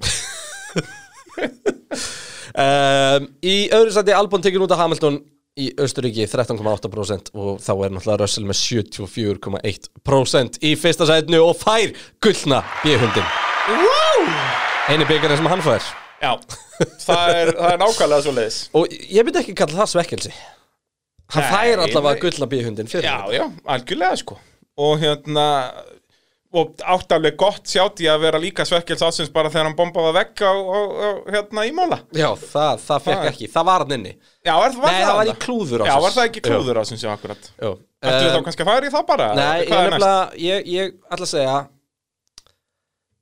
Russell Sakir var svekkelsjásins Já, 100% en mér finnst Albon dæmið vera það líka Já, er eitthvað með að gefa um milli því að munurinn af Albon, að ástæðan fyrir Albon er kannski meira svekkelsi er að ég held að Albon hefði getað haldið áfram að gera góða hluti og henni hefði gert það Já, það Russell var svo lappar snemma. hann út og það er vita allir að nátt að vinna þessa keppni Já. Samstört veist- er í botni alveg saman Já, það, sko. ferill hans er ekki enda út til að hann vann ekki þessa keppni já, það er endar, já, þú setur það í þennan búning hann Þá er það mjög gerði gott allt hjá sem hann gætt gert Já, og fekk Og- alveg respekti fyrir það þú veist, Mercedes bara skuldar um sigur núna, Já. sko. þú veist Það er rétt, sko Men að- að þannig að pressan er raunurum bara meiri á Mercedes að gefa honum þetta sæti, ef eitthvað er sko. út af því að atvikinn þannig séð, þú veist í hvoru skipti var þetta í rauninni ökumunum að kenna jú, það var kannski aðeins meira albúin að kenna heldur en út að þetta var náttúrulega 0% rössal að kenna það er alveg hægt að segja að það hafi verið pínulítið albúin að kenna Já. uh, en, en út af ef- einmitt þessu að albúin er núna ekki lengur í formuleitt út af þessu, eða þú veist, út af þessu er erfitt að segja, en já, en, já, þannig að þú veist, ég er rosa blitt já hérna. þetta er gott sjátt hjá þér, Christian uh, ef við farum við klúðu tímbilsins hvernig verður það?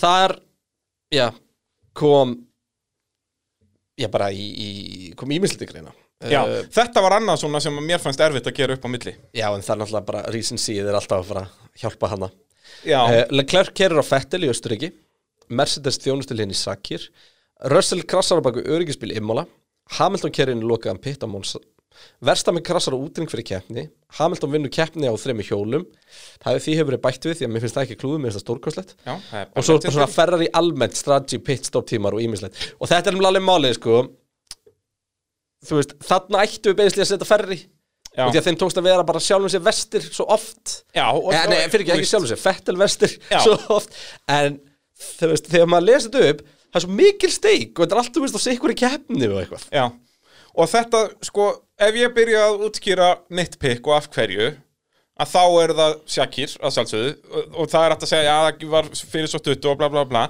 en þú veist, ég fór yfir þetta og hugsaði bara hvað hefðu stærstu afleiðingarnar og þá náttúrulega, þú veist, Hamilton í Monsa hafði, var eiginlega stærra hvað það var þar út að þetta var svo öðrugur sigur, þetta var gefið Þó þetta var og vissulega- titillin var ekki komin sko. og tillin var ekki komin og allt þetta en það var ekki jafn mikið klúður fannst mér út af því þetta var alveg svona borderline, hann hafði einhverjar 8 sekundur að koma að inn, sá ekki einhver skiltið út Já, þú veist, klúður er að, þú veist, til þess að kóran allt fara meira þess að sprungið dekkindi bílinn, sko já, þú veist, eh, þannig að þjónustulegin í sakir, það var einhvern veginn miklu meira klúður út af það var líka tvöfalt klúður eða þrefalt klúður, alveg sama hvernig þú orðaða út af þeir og því að bara, Bottas enda með engin dekk og, já, og þú þeir veist, bara fokkuðu þessu eins mikið upp og að- mögulega hætti þetta var bara royal fuck up og þarna eru það að tala um að þeir eru að tapa 36 stigum á þessu eða eitthvað sko, eða svona 30 stigum uh, það annað, þú veist, eins og Russell á baku öryggisbílinn var ótrúlegt klúður, svakalegt klúður og hefði verið fyrstu stíðin hans í Formule 1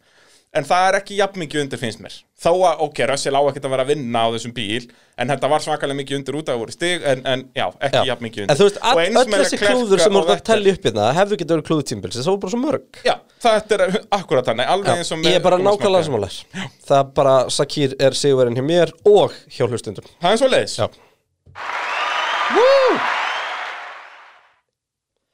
um, Hann er, já, ég, Sakir tekur það alveg 100% um, eh, En, uh, og er með 64,1% atkvæða Heldur Í öðru betur. sæti var hins vegar Russell líka Já, Ímola 15,4% Í þriða sæti Verstappin að krassa útring í Ungarlandi Í fjóra sæti Leclerc að kera á Fettil í Austuríki Og í fymta sæti ja, Nei, fyrir ekki, í fymta sætinu var uh, var Hamilton Kerinlokan Pitt og Monsa og í sjött sætinu var, Le- var hérna Já, var það samt Leclerc að fínt? gera Fettil Já, mér finnst það sko meira klúður heldur en Verstappin að krassa útring því ég virði Já. það alveg sko Já, og það hafði ekkert, Bara það var test- e- e- engin, það háðunum ekkert bara testing the water sko Já, já, og bara, og, og það endaði á að vera ekkert klúður Ef hann hafði mistað keppni hafði þetta verið miklu meira high profile klúður en núna kemur flóknasti fl- flokkurinn Ó, já og það er stærsta atvik utan brautar Já, því að hér voru þau mörg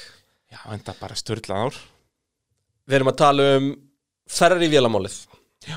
og samningurum við fíja við erum að tala um COVID og frestaði keppnir við erum að tala um að Hamilton fái COVID við erum að tala um að Honda hætti formleitt keppni í Sáta- Sáti Arabíu 2021 frestun og reglubreitingum Masepin skandallin Alonso að koma aftur uh, Twitch tríuð Ó, Ég er já. ánægður með eitthvað sem bæti því Já. uh, Tracing Point málið Hulk fyrir Peres og svo The biggest of the big Pitturinn hlaðvarp Vá, ég, ég brosti þegar ég sá þessi það er, bætin já, þetta er náttúrulega, þetta er langstæðst atvikið Þetta er líka svo, bara pitturinn koma hlaðvarp Já.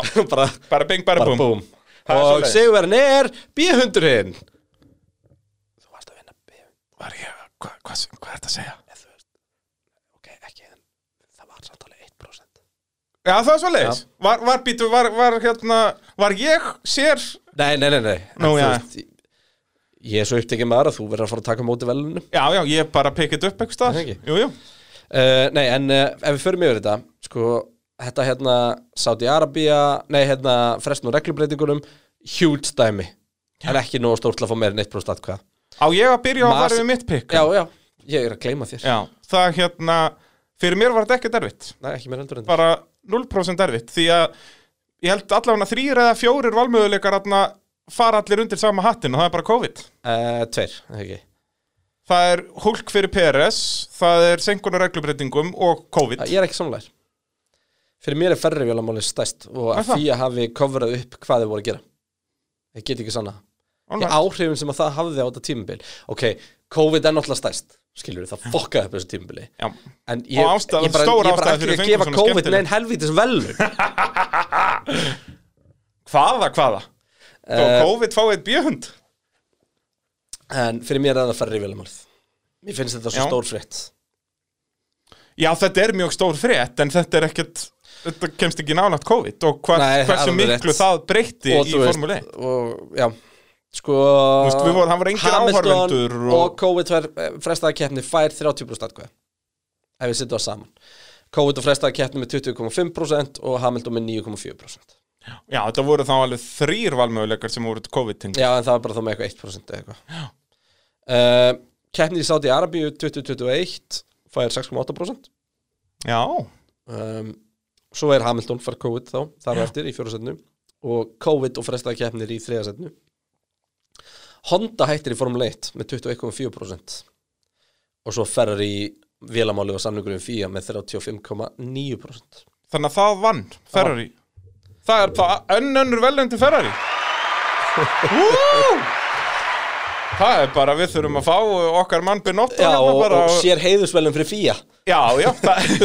Sjón Tott kemur með honum hérna tveir fyrir um Ferrari bossar Þetta er náttúrulega alveg Þetta er rosalega skrítið allt saman Já. Þetta ferri mál alltaf búið að lita þetta tímabil rosalega mikið sko. já, já, að, að missa málið er eitt það- eitt toppdokkin úr þarna var, var svakalegt sko En málið er það að ég held að ferri bílinn hafi ekki verið svona liðlegur eins og hann leit út fyrir að ok, vera um, Jú, hann varð það náttúrulega En sko, ég held að ástæðan fyrir ég sé þú veist, Ég hugsaði, um, ef að vélinn hefði þóri lagi þá hefði hann verið uppverð já, 100% maður sá það líka bara á Haas og Alfa Romeo Því að manstu, við tölum alltaf um að vera svo mikill múrsteinn Já, já. Bíllinn Hann er hannaður til að mega vera með ákveð mikið drak miðað við ákveð mikið vélarafl þeir vissu semst, og það er það sem voru mikið að spila á 18 og 19, sérstaklega 19 að vera bara ok, við ætlum að setja keðið mikið draka á bílinn og vera með meira power en hinnir Já.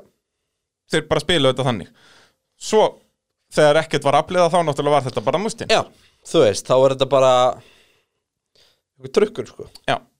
og virkar þannig að ekki, ég held að þessi skapa- bíl hefði alveg verið vel upp þér með uh, góða mótor Já. en hann var það svo sannlega ekki Já, og bara eins og þú segir, þetta er og það er náttúrulega, mjög stór frétt en eins og ég segi, en þetta er náttúrulega sparka Hliðin á COVID er þetta niður ekki bæði neitt? Haas og Alfa Romeo líka já, já, svakalega Já. Við erum að tala um Alfa Romeo og þeirra, þeir voru með eitthvað hátt í 50 stig eða eitthvað í kemni bílasmiða já, með hvað þrjú í ára eða eitthvað, fjögur Átta, þeir voru Þeir fjögur komin í og átta. fjögur já, ég fengur svolítið hann í setni hlutunum já, alveg rétt uh, og þó að fara í besta sigur tímabilsins Já, gerum það Þar voru valmöðleikarnir Gasly Monza, Hamilton Tyrkland, Verstappen Silverstone 2, Peres Sakir, Hamilton Silverstone og síðan valdi einhver Abu Dhabi sem er Já, áhugavert. Það var En, samlegt Þú veist, það var eiginlega bara, þú vorum frelsaðir. Nei, samt Já. ekki Peres frelsaði okkur helgjum undan. Já, það er, og verðstappin var alveg búin að vinna Eina. Já, þannig að Jú, jú, Áttu það er fleiri. ágæti skrín Uh, B100. Viltu fá mitt pick? Já. Sko, þarna voru var ég í rauninni með þrjár keppnir sem að ég var mikið að ströggla með sem er að, að sálsögðu Tyrkland, Monsa og Shakir Já, og svo eiginlega má taka Silverstone 1 með. Bara til Já. ja. þrjú dekk, sko. Já Þannig að þetta er bast sko og ég ákvað ekki að hendi Shakir aftur þó að, þú veist, Peres var komin í síðasta sæti Já. og allt þetta en þú veist, Peres var á það góðum bílarna hann hafði alltaf vunnið sig eitthvað vel upp og svo náttúrulega gerist þetta allt þarna Já, og svo náttúrulega hjálpa þessi strakkiti bara einhvern veginn á ótrúlanhátt. En síðan sko, ég- og Hamilton náttúrulega, við tölum um það í Tyrklandsættunum að þetta væri bara eitt besti sigur Hamilton á ferlinum. Hann var geggjaður. Já. Uh, en samt er það Gasly sem fær minn sigur. Einfallega bara vegna þess að þessi Alfa Tauri átti ekki að vinna þess að, sest, átti ekki að vera í fjórðasætti. Gasly var mitt pick líka Já, og ég ætla að segja þér af hverju já, ég settist ekki í síðustu fimm ringi þegar að kefni já. Það er bara, ég settist ekki svona síðustu þrjár beigur Silverstone 2 já, og ég settist ekki síðustu fimm ringi Monsa Shakir er samt besti sigurinn en ég ætla samt að veitja Gasly í þetta því að þú veist, þú kerður út, þú endar aftastur uh, þú lendir í áreistri þú ert ekki á bíl sem á getur unnið sem að kemur svo í ljós að getur unnið en þú veist Verstappen, Russell og Bottas áttu allir að vinna þess að kefni Já. þú veist en hvað, þú velur Gasly? Ég vel Gasly Ég er samanlega bara þú veist, Líka út af Alfa því að Tauri á Alfa Tauri Ítalíu, sko. nátt ekki, já, svo fyrir utan það maður og Gastli, já, já, já, bara og, og eins, einmitt út af þessu Alfa Tauri er verri bílaldur en racingpuntin Já, þú veist, sagan er svo stór sko. Þetta var annar sigur Red Bull samstæpurinn á árinu sko. Já, og það var Görins með ráku úr Red Bull í fyrra jep Já, það voru svo mörg stóri þarna sko. Samanlega Hvernig fóru skoðanakunnin? Já, ég var ekki búin að svara því Já, eru þeir samanlega okkur? eða? uh, Það eru fimm keppnir sem að fá eitthvað af atkvæðum að viti Ok. uh, Silveston 2 Verstappen fær 5,2% atkvæða og Silveston 1 fær 6,9% atkvæða uh, Í þriðasætnu er það Hamilton í Tyrklandi sem var líka magnaði sigur Já, alveg styrlaður Uh, í öðru seti var það Peris í Sakir með 22,4% atkvæða og 53,4% lustendur samanlokkur. Það er svoleiðis, er ég svoleiðis. held nú að Peres fengi meiri, meira löf Já, hann er bara ekki löfið að raukumæður. Það er rétt, hann er svona kemur fullt af pening og er ekki með mikinn persónuleika og allt þetta Já, svolítið. Það er alveg rétt Nei, við sko. ekki að klappa þér í gasli.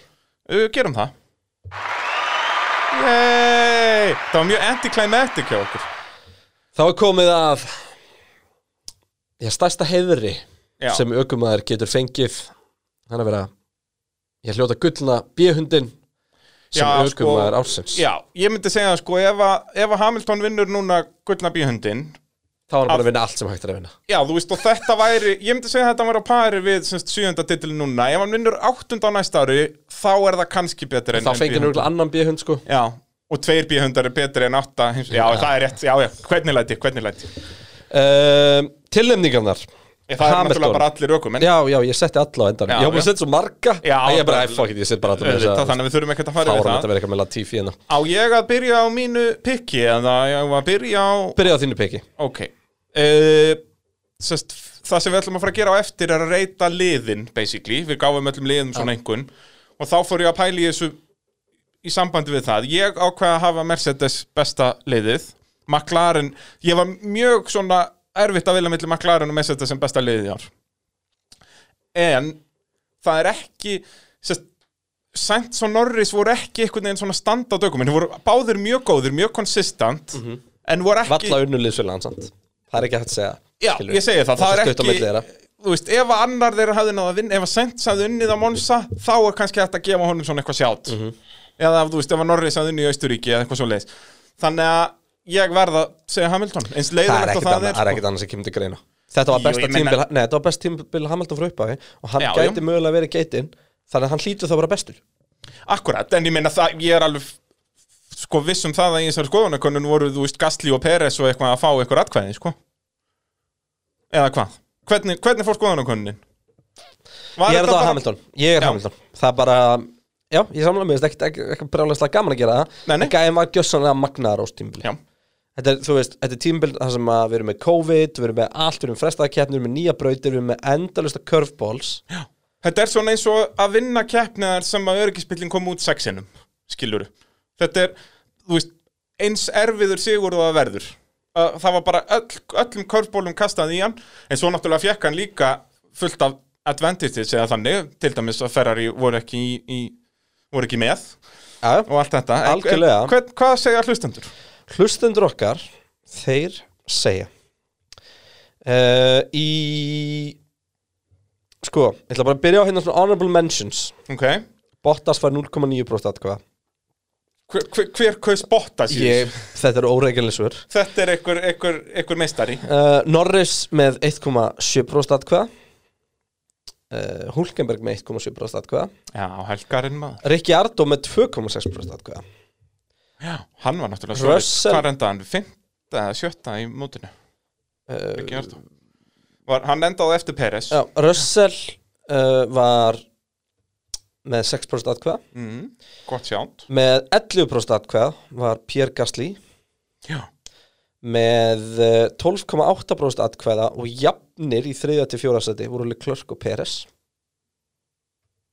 Já, Í öðru seti var Max Verstappen með 16,2% atkvæða og Lewis nokkur Hamilton með 34,2% það er hérna alveg skiljanlegt Og þá fara hann klapp En það klapp Enda var hann að vinna The B-Dog Trophy The Golden Beater The Golden B-Dog Fárlega til í það Heyrðu, þá bara þurfum við að hafa upp á, upp á kauða og affinda honum gullna bíhundin Sendur hann ekki bara message á Instagram eða eitthvað Jú, ég hendi í það Það er eh, bara næst þegar hann kemur til landsins að þá, þá gefum við honum hann Já, Það er svo leiðis já En eh, uh, ég, þú veist, þetta er ekki en spurning Gæn var gjörsamlega törrublaður á svo ári Já, og eins og ég segi, eins og þessi Tyrkland sigur sannar það ekki svolítið sko. einu mistök Hamilton að hann keiri fram hjá þessu rauða ljósi sko og, Og það- og, þá og er- keiri á albún Ok, já, sem ég er svona valla samála, þú veist, var það ekki, þetta gerir síðan nákvæmlega sama, var það ekki Peres þetta er Albon svo meira, hér keppnina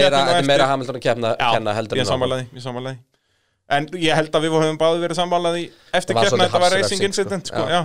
En það er alveg rétt að það, það voru vissulega mistök í Hamilton Og þetta Monsa dæmi var, jú, jú, hann á að Æ, sjá hver skiltin, sem er sko, getur en- lent í þessu, sko. Já, þannig að störla, og ég, mér finnst eins og bara Tyrklandskeppnin, sko, summerar, summerar þessu ári upp fyrir hann Út af því að það var svona, allir körfbólar voru kastaðir í, í Það var það svona keppni keppnin sem hann átti ekki að vinna ég segi það og alveg eins og þetta tímabil jú, jú, hann átti alveg að vinna tímabilið en en sest, það var gert eins erfitt fyrir hann og mögulega hægt er með þessu COVID og, og nýja brautir og þú veist já, eins mikið af korfbólum að hægt er Já. uh, Ef við þá bara að fara í, í okkar upptalningu á liðum hvað, ok- hvernig okkur fannst liðin standa er sig það ekki? Jú, ekki fara svona létt yfir það, við erum náttúrulega búin að fara svolítið ítalið yfir ákveðin atvik þannig að við reynum að endurtaka okkur sem minnst Já, ég er svona að spáði hvort við hefum kannski að tegja úr okkur og taka okkur smá podcastpásu og komast tilbaka og ég elska podcastpásu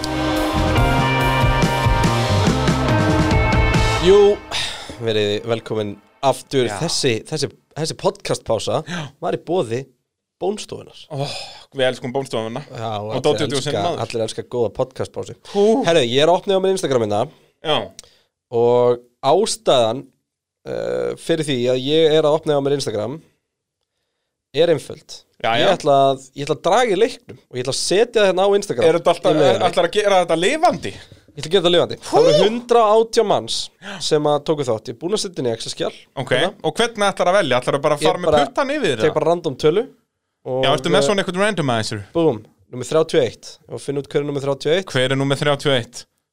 Ég Það ætla að er vera hér Það er Ívar Már 1, 2, 3, 4, 5 Woo! Ívar Már! Bum. Ívar Már! Okkar maður Sko, svona eftir á higgja Ég ætla, ég ætla að save þetta story Og ef Ok. einhver, ef einhver ásakar okkur um eitthvað annað Þá er þetta til Ég ætti nú fatt að Annars var ég að fara að setja hérna 118 e-mail í storyið mitt Já, þú meinar Þannig að það, fer kannski ekki, það fer ekki í stórið, það er ekki vinsalt Það er örgleika persónu það Persónulaga brot Já, kannski. En uh, ég sendi tölupost á Ívar Og uh, Já, og svo, þá eigum við bara þetta, þetta Instagram post bara til að já, nota sem ég held að sönnum það sé engin að fara að ég Jú, fylgja ég held nefnilega núna að ég fáum við 117 e-mail um að það hefur verið svindlað Já, Eini sem er ekki það- sendað er Ívar Það geti verið Það geti farið svo gæti verið. En til hamingi Ívar minn, það hvað, þetta er 20.000 kall? Þetta er ekki, þetta er ekki litli bróðin eða eitthvað hannig Nei, það, við höfum nefnilega áhugjur af því sko að Þetta væri bara, að já, þetta er mamma eða eitthvað svona Já. en, en Ívar er korki litli bróður nýja móðu mín Þannig að við erum í toppmálum það Já, það er bara sama hér Já, uh, og hvað, þetta er 20.000 kall hjá bónstofinni Já. og hann getur annarkvort bara fengið það uh, bara fengið þá elskulega drengi til að skvera fyrir sér bílinn eða bara keftir nokkra dollur og dottatíu sjálfur eða Já. bara hvað sem er Já, Litla veistlan maður, frábært ha? Jafn- Jafnvel kennslu í hermikapastri hjá Aroni eða eitthvað Já, það, það væri besti hann er nú ríkjandi Íslandsmeistari í Helmi Kapistri það var rétt. Þannig að það er og ekki Viktor Týðri þannig að þetta er allt í toppmálum þar Herru, um, það kom skuggalega mikið af Við vorum með eitt opið í könnunni Heyrðu, já, þú varst að segja mér frá þessu Já, maður það sem að fólk að uh, koma með skilabóð Já, og það er eitt sem ég langar bara að hérna lesa uh, sem er svona kannski vettvangur og þetta er frá honum Guðmundi Orra já, stopnanda FN og Íslandi Heldur Facebook-hópsins sem hefur haldið utan um að hann passa upp á allar upplýsingar fyrir keppnar mikill kongur heldur betur og nú hefst löstur um, Til hamingjum velgengni kann mér hlaða upp í pittin Þegar ég ákveða að setja upp síðuna FN og Íslandi bjóst ég aldrei við þessum mikla áhuga sem þetta samfélagi raun og veru varð og er enn að stækka Ég ætlaði að raun og láta hópin heita FN og Íslandi 2020, 20 minni mig en þá kom Bræi með þá hugmynd að láta hann heita bara FN og Íslandi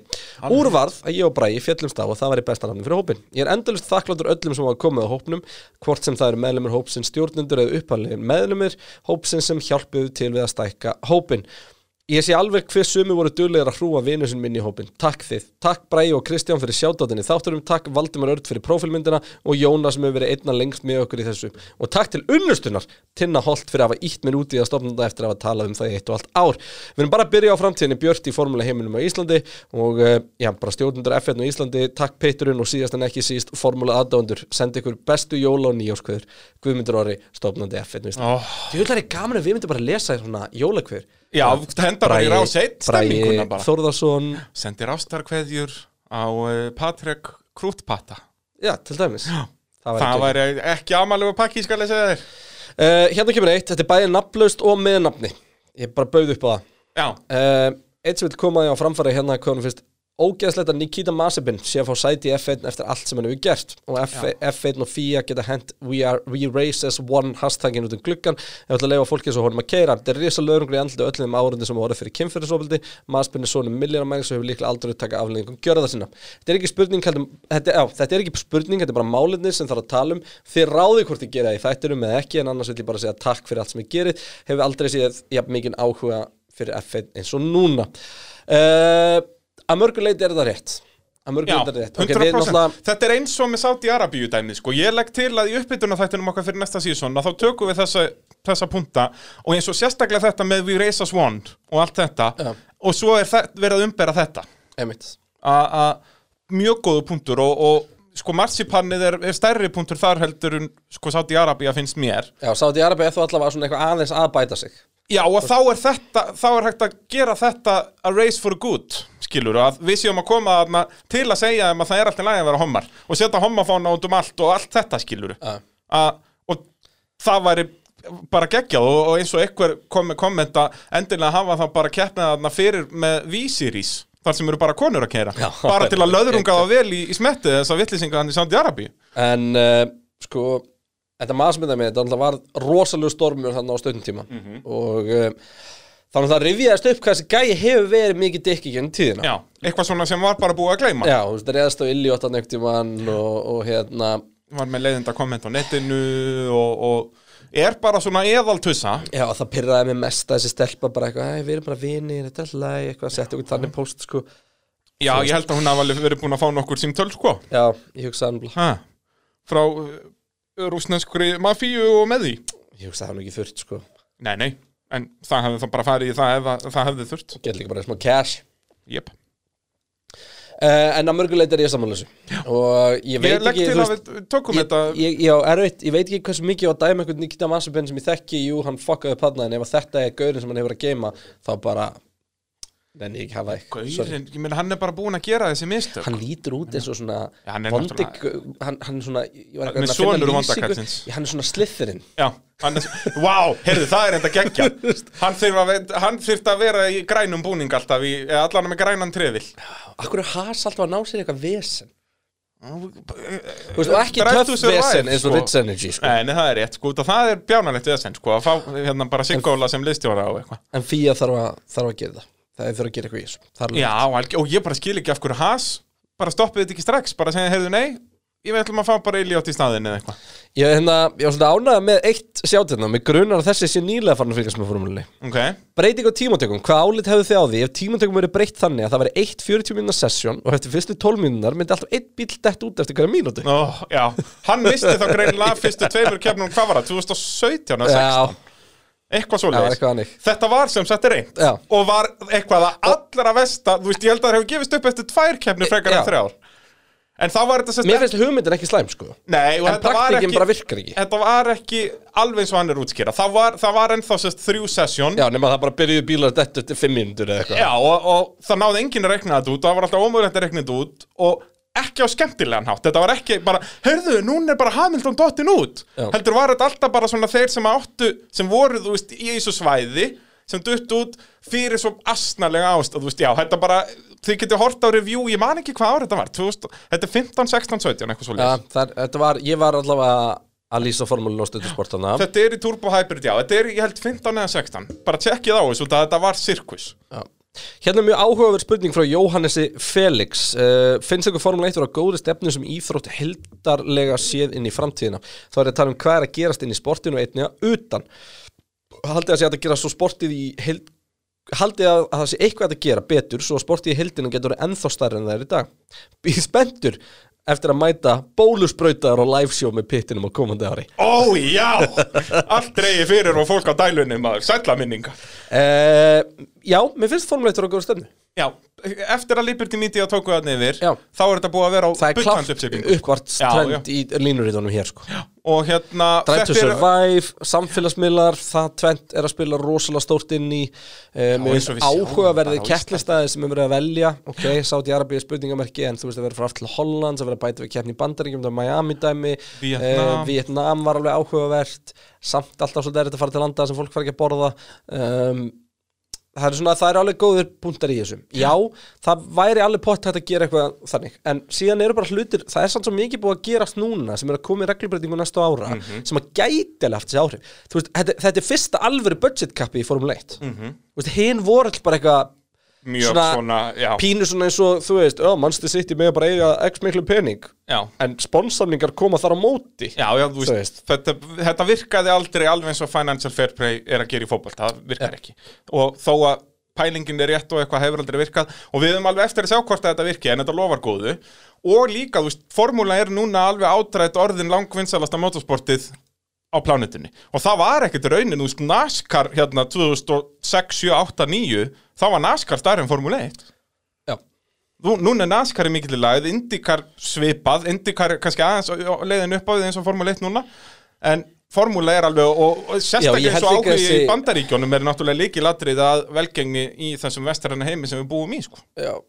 Svo erum við líka bara að horfa á það sko, ok, við erum með Mercedes við erum með Runo, ok, komin sem Alpine næsta ári, við erum með Ferrari um, við erum með uh, Aston Martin að koma inn ok, Honda fyrir út, það var slæmt um, við erum hins vegar að sjá formúlan að fara inn í tækniöld gríðarlega, þar sem að við erum að þróast í áttina að ramagni og, og, og öðrum orkugjöfum og hún er ekki að standa í stað, hún er klálega að þróast eitthvað í þá átt, þótt hún sé ekki að gera kannski að pratt og margir hefur vilja sjá, eða ofratt með hvað margir hefur vilja sjá eins og Þetta er núna erum við svona- búin að þessar vélar núna eru löngu búin að þjóna sínum purpose í að hjálpa almennri bílaframleiðslu það Já. er, ekki, það er ekki að hjálpa bílagerum neitt að við erum að halda áfram með þessar vélar næstu 3-4 árin sko. Nei.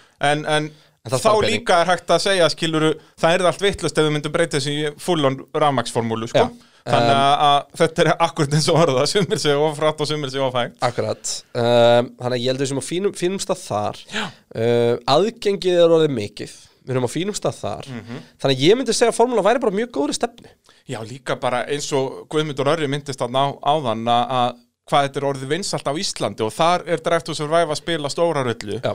að undan því að það er svo, þú veist, allir á Íslandi fylgst með formúlu þegar þetta var hakkinin og sjúmakkir að berjast í kringum aldamótin. Já. Þá var það bara vinsallin fótbolti, það var allar kaffistofur landsins, það var alltaf verið að tala um, heyrðu, helvíti og sjúmakkir segjur á sunnudaginn.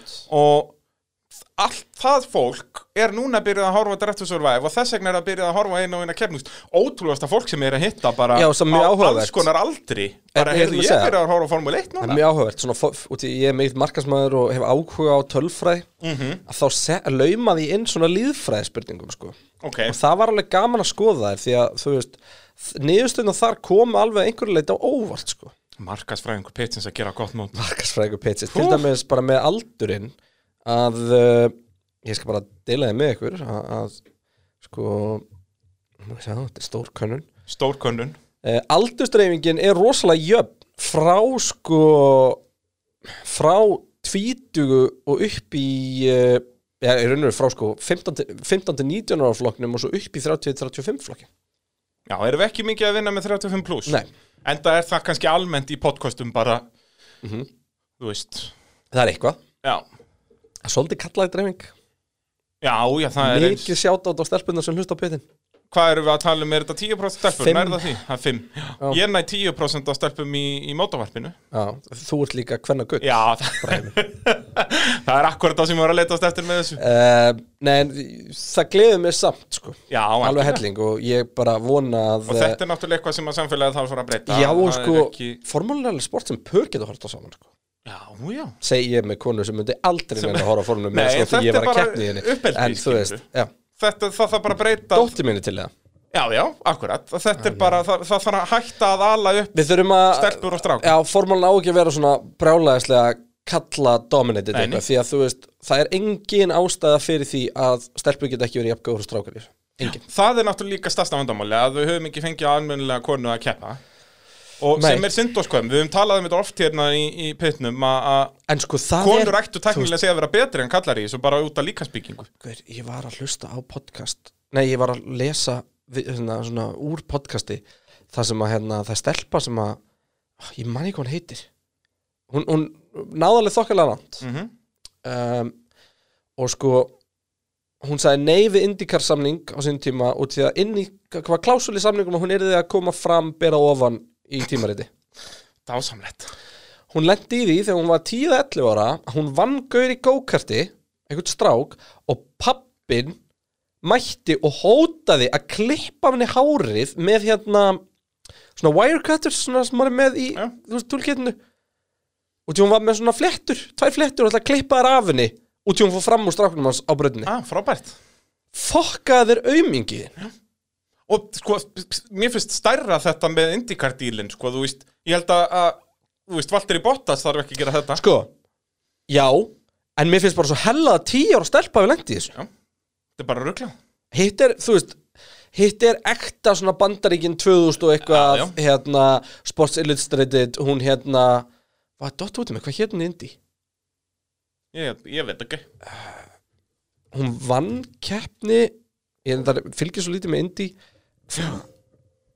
hann kannski skiptir ekki öllum jú, það skiptir öllu máli Það er Þetta svoleiðis. Danica Patrick all right og hérna og uh, þú veist, það er mynd enda allt í einhvern svona Sports Illustrated og einhvern svona dóti, Jep. þú veist. þetta er svo þreytt yep. og þú veist ef að þú ert ógeðslega flottur kallaði kona og vilt auðvitað svona frábært, gera það bara Já, já. en að það sé ykkur skilda fyrir samningnuðinum er faralegt, eins og þú segir, gott að blessa ef að Hamilton er ekki með klausaherri svo verður að setja alltaf fimm topless Nei, nei. Instagram Þó- þó að hann setji Russell sennilega gætir inn þetta verið 15. með hana með hvað hann er mikið bera ofan á Instagram já, og ég meina Hamilton hattar ekkert að vera að berða ofan Nei, nei, hann Þú var veist- út að hlaupi ger já, já, ég segi það, þú veist, hann hefur verið að fagna á palli berað ofan Æ. að, hérna, að, og gott að blessa ef þú fílar Flex- það, þá er flex það the bara tats. ég er nákvæmlega, þetta er hugulegur ungu drengur En hérna, ungur lengur en já, hann er reyndar, hugulegur miðaldra maður En þetta allavega, þetta, mér blöskraði þetta Það verður bara sést Það er óvænt að segja það uh, Erum við með eitthvað fleiri skemmtileg komment hann? Við erum með alveg helling Það er svo leiðis Já Ætlar að halda áfram með Er það? þið langur þáttur uh, Já, sko, við fengum og eins og við höfum nú ekki, okkur hefur ekki leiðist að segja þá þykir okkur óbúðslega vænt um hvað við höfum fengið mikið stuðning og uh, hérna kemur Óli Jón bara mér langar til að þakka fyrir að stuðla fyrir að koma umræðin upp á herra plan eftir leiðilega keppni hugsaði maður strax, já, það verður allavega pittur Oh, Mér þótti væntu þetta já, sko. þakka þér Óli Vinn um, vera, herra, þú veist, ég ætla að vera svolítið að vera að dissa mig fyrir að skýti í degi og vera ekki búin að koma með merch Já, Kristján, rífðu þið upp hérna er einn svolítið skemmtileg, þetta er hann Ímir um, er möguleiki að fá F1 keppn til Íslands eða það brútur sögunni svo er reynda að beðum þátt það sem að ferillin minni tekin í gegn Já, Við ætlum að hjóla það í, í mótorvarpinu Já, við ætlum að gera það um leið og þetta tímul myndi klárast og eitthvað en- Já, ég minna það var að klárast bara í fyrra dag þetta tíma til, sko Við skulum halda hestunum okkar Já, eigum við ekki bara að lofa því í janúar? Nei, við ætlum ekki að lóna hennu Oh, þetta, þetta, Við þurfum að fara í rísu Ég man ekki eins og hvað er að gera maður þetta er- já, það, þú voru að rífa því í gang Ég veit það Það er svo En hérna, til Íslands Ég er það líka er bara svo feimin bræði Næstu tíu ára er það ekki möguleiki Hver veit eftir það? Ég- Sko, ég ætla að segja að það er ekki fræðilegur möguleiki Svona eins og ég hef sagt fyrir tíu árum að það var ekki fræðilegur möguleiki í Íslandi að keppa á stórmóti í fótbolta Já, ég segi það, þú veist, Það er ég held að sé ekkert, ekki það er fræðilegur engin möguleiki ástæða fyrir því að það kemur formulegt kemur til Íslands Nei, nei, ekki, eins og ég segi, á næstu tíu árum get ég garantera að vera ekki Formule 1 keppni á Íslandi Mestu líkunar á Það er að koma erfitt að formulegt segja. kemur til Íslands er að B100-in finni upp næsta big thing í heiminum Já, tæki sæti við hlið hérna, þú veist Elon Amazon Musk Kongsins, og- Elon og- Musk eða eitthvað og bara smíðibraut já, og borgi fyrir kemna það er enda sko, þetta er mjög hátt af mínum fantasílista Bara þegar ég er bara í Íslands formúla Já, nei, bara þegar ég er í svona sturtupælingum bara, bara Já. með fantasíur í hausnum En það verður að hætta Að að það er hugsa að gera fantasíunar og þú verður að fara að hugsa um um hlutin sem ég ætla að finna upp til að eiga peninga Akkurat. fyrir þessu Já, ok, ég, það verður næsta fantasían en hjá hva, mér hvað er fantasían? Það er sérst að gera bara svona Trúi braut þessi að spyrja þau um sem fucking væri, fantasíurnar sko, með sturtu. sem væri líka með sko, partur af átertrakkinu væri rallileið svo væri torfæri grifjur hann líka hjá stærstu stúkunni og það var búið að setja net yfir stúkunna svo að stærstu Svo steinandi væri fara ekki bara áhörundur Icelandic Festival of Speed Já, og þá væri allur pakkin hann og, og þú veist, það væri rallycrossbraut inn í brautin líka eins og þekkist á Spa og Abu Dhabi og þessum brautum sko.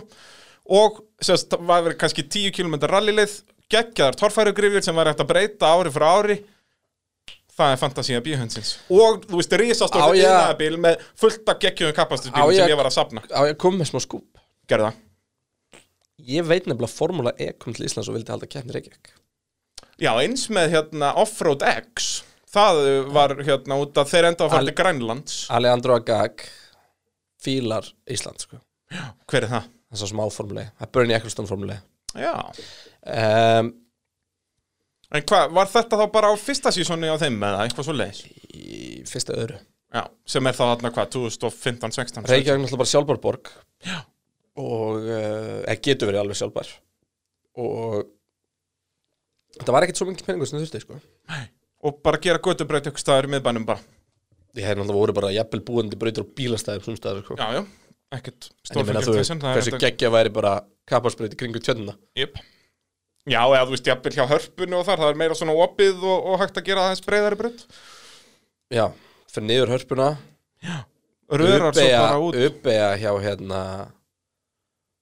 við hvar væri brautin? Það væri ábygglega hægt að fara yfir brúnna yfir tjörnina, hafa sest, það er það eiginlega uppeigja. tjömp Nei, nei, það er ekki að Það yrði jú, tjöld. jú, já, en það, Það þyr- yrði tjöld. Það þyrft að mikið aðeins. þetta er mikið að smá Bæta smá, ef, þú veist, og þá væri gósbrunnin alltaf hann í bakgrunn og, og þá myndu þeir fara sérst uppeiguna þar, svo í áttað bara hérna stóru gatnarmóndunum í áttað hörpunni, takk eitthvað siksaka af stóru bíla, bílaplönunum þar og já, eitthvað svo Sko Formule E-bíl gæti mér svolítið kert brautina út, á, í- út í hérna út í kvarmilbraut, Já, já, leikandi. leikandi sko Það væri bara fínasta Já, formule 1 bara, bara óinu góð Formule E-braut Út að þeir eru, formule 1 bílar eru bara stærð við göttubíl. Þeir eru ekki svona fáralega stórir, sko.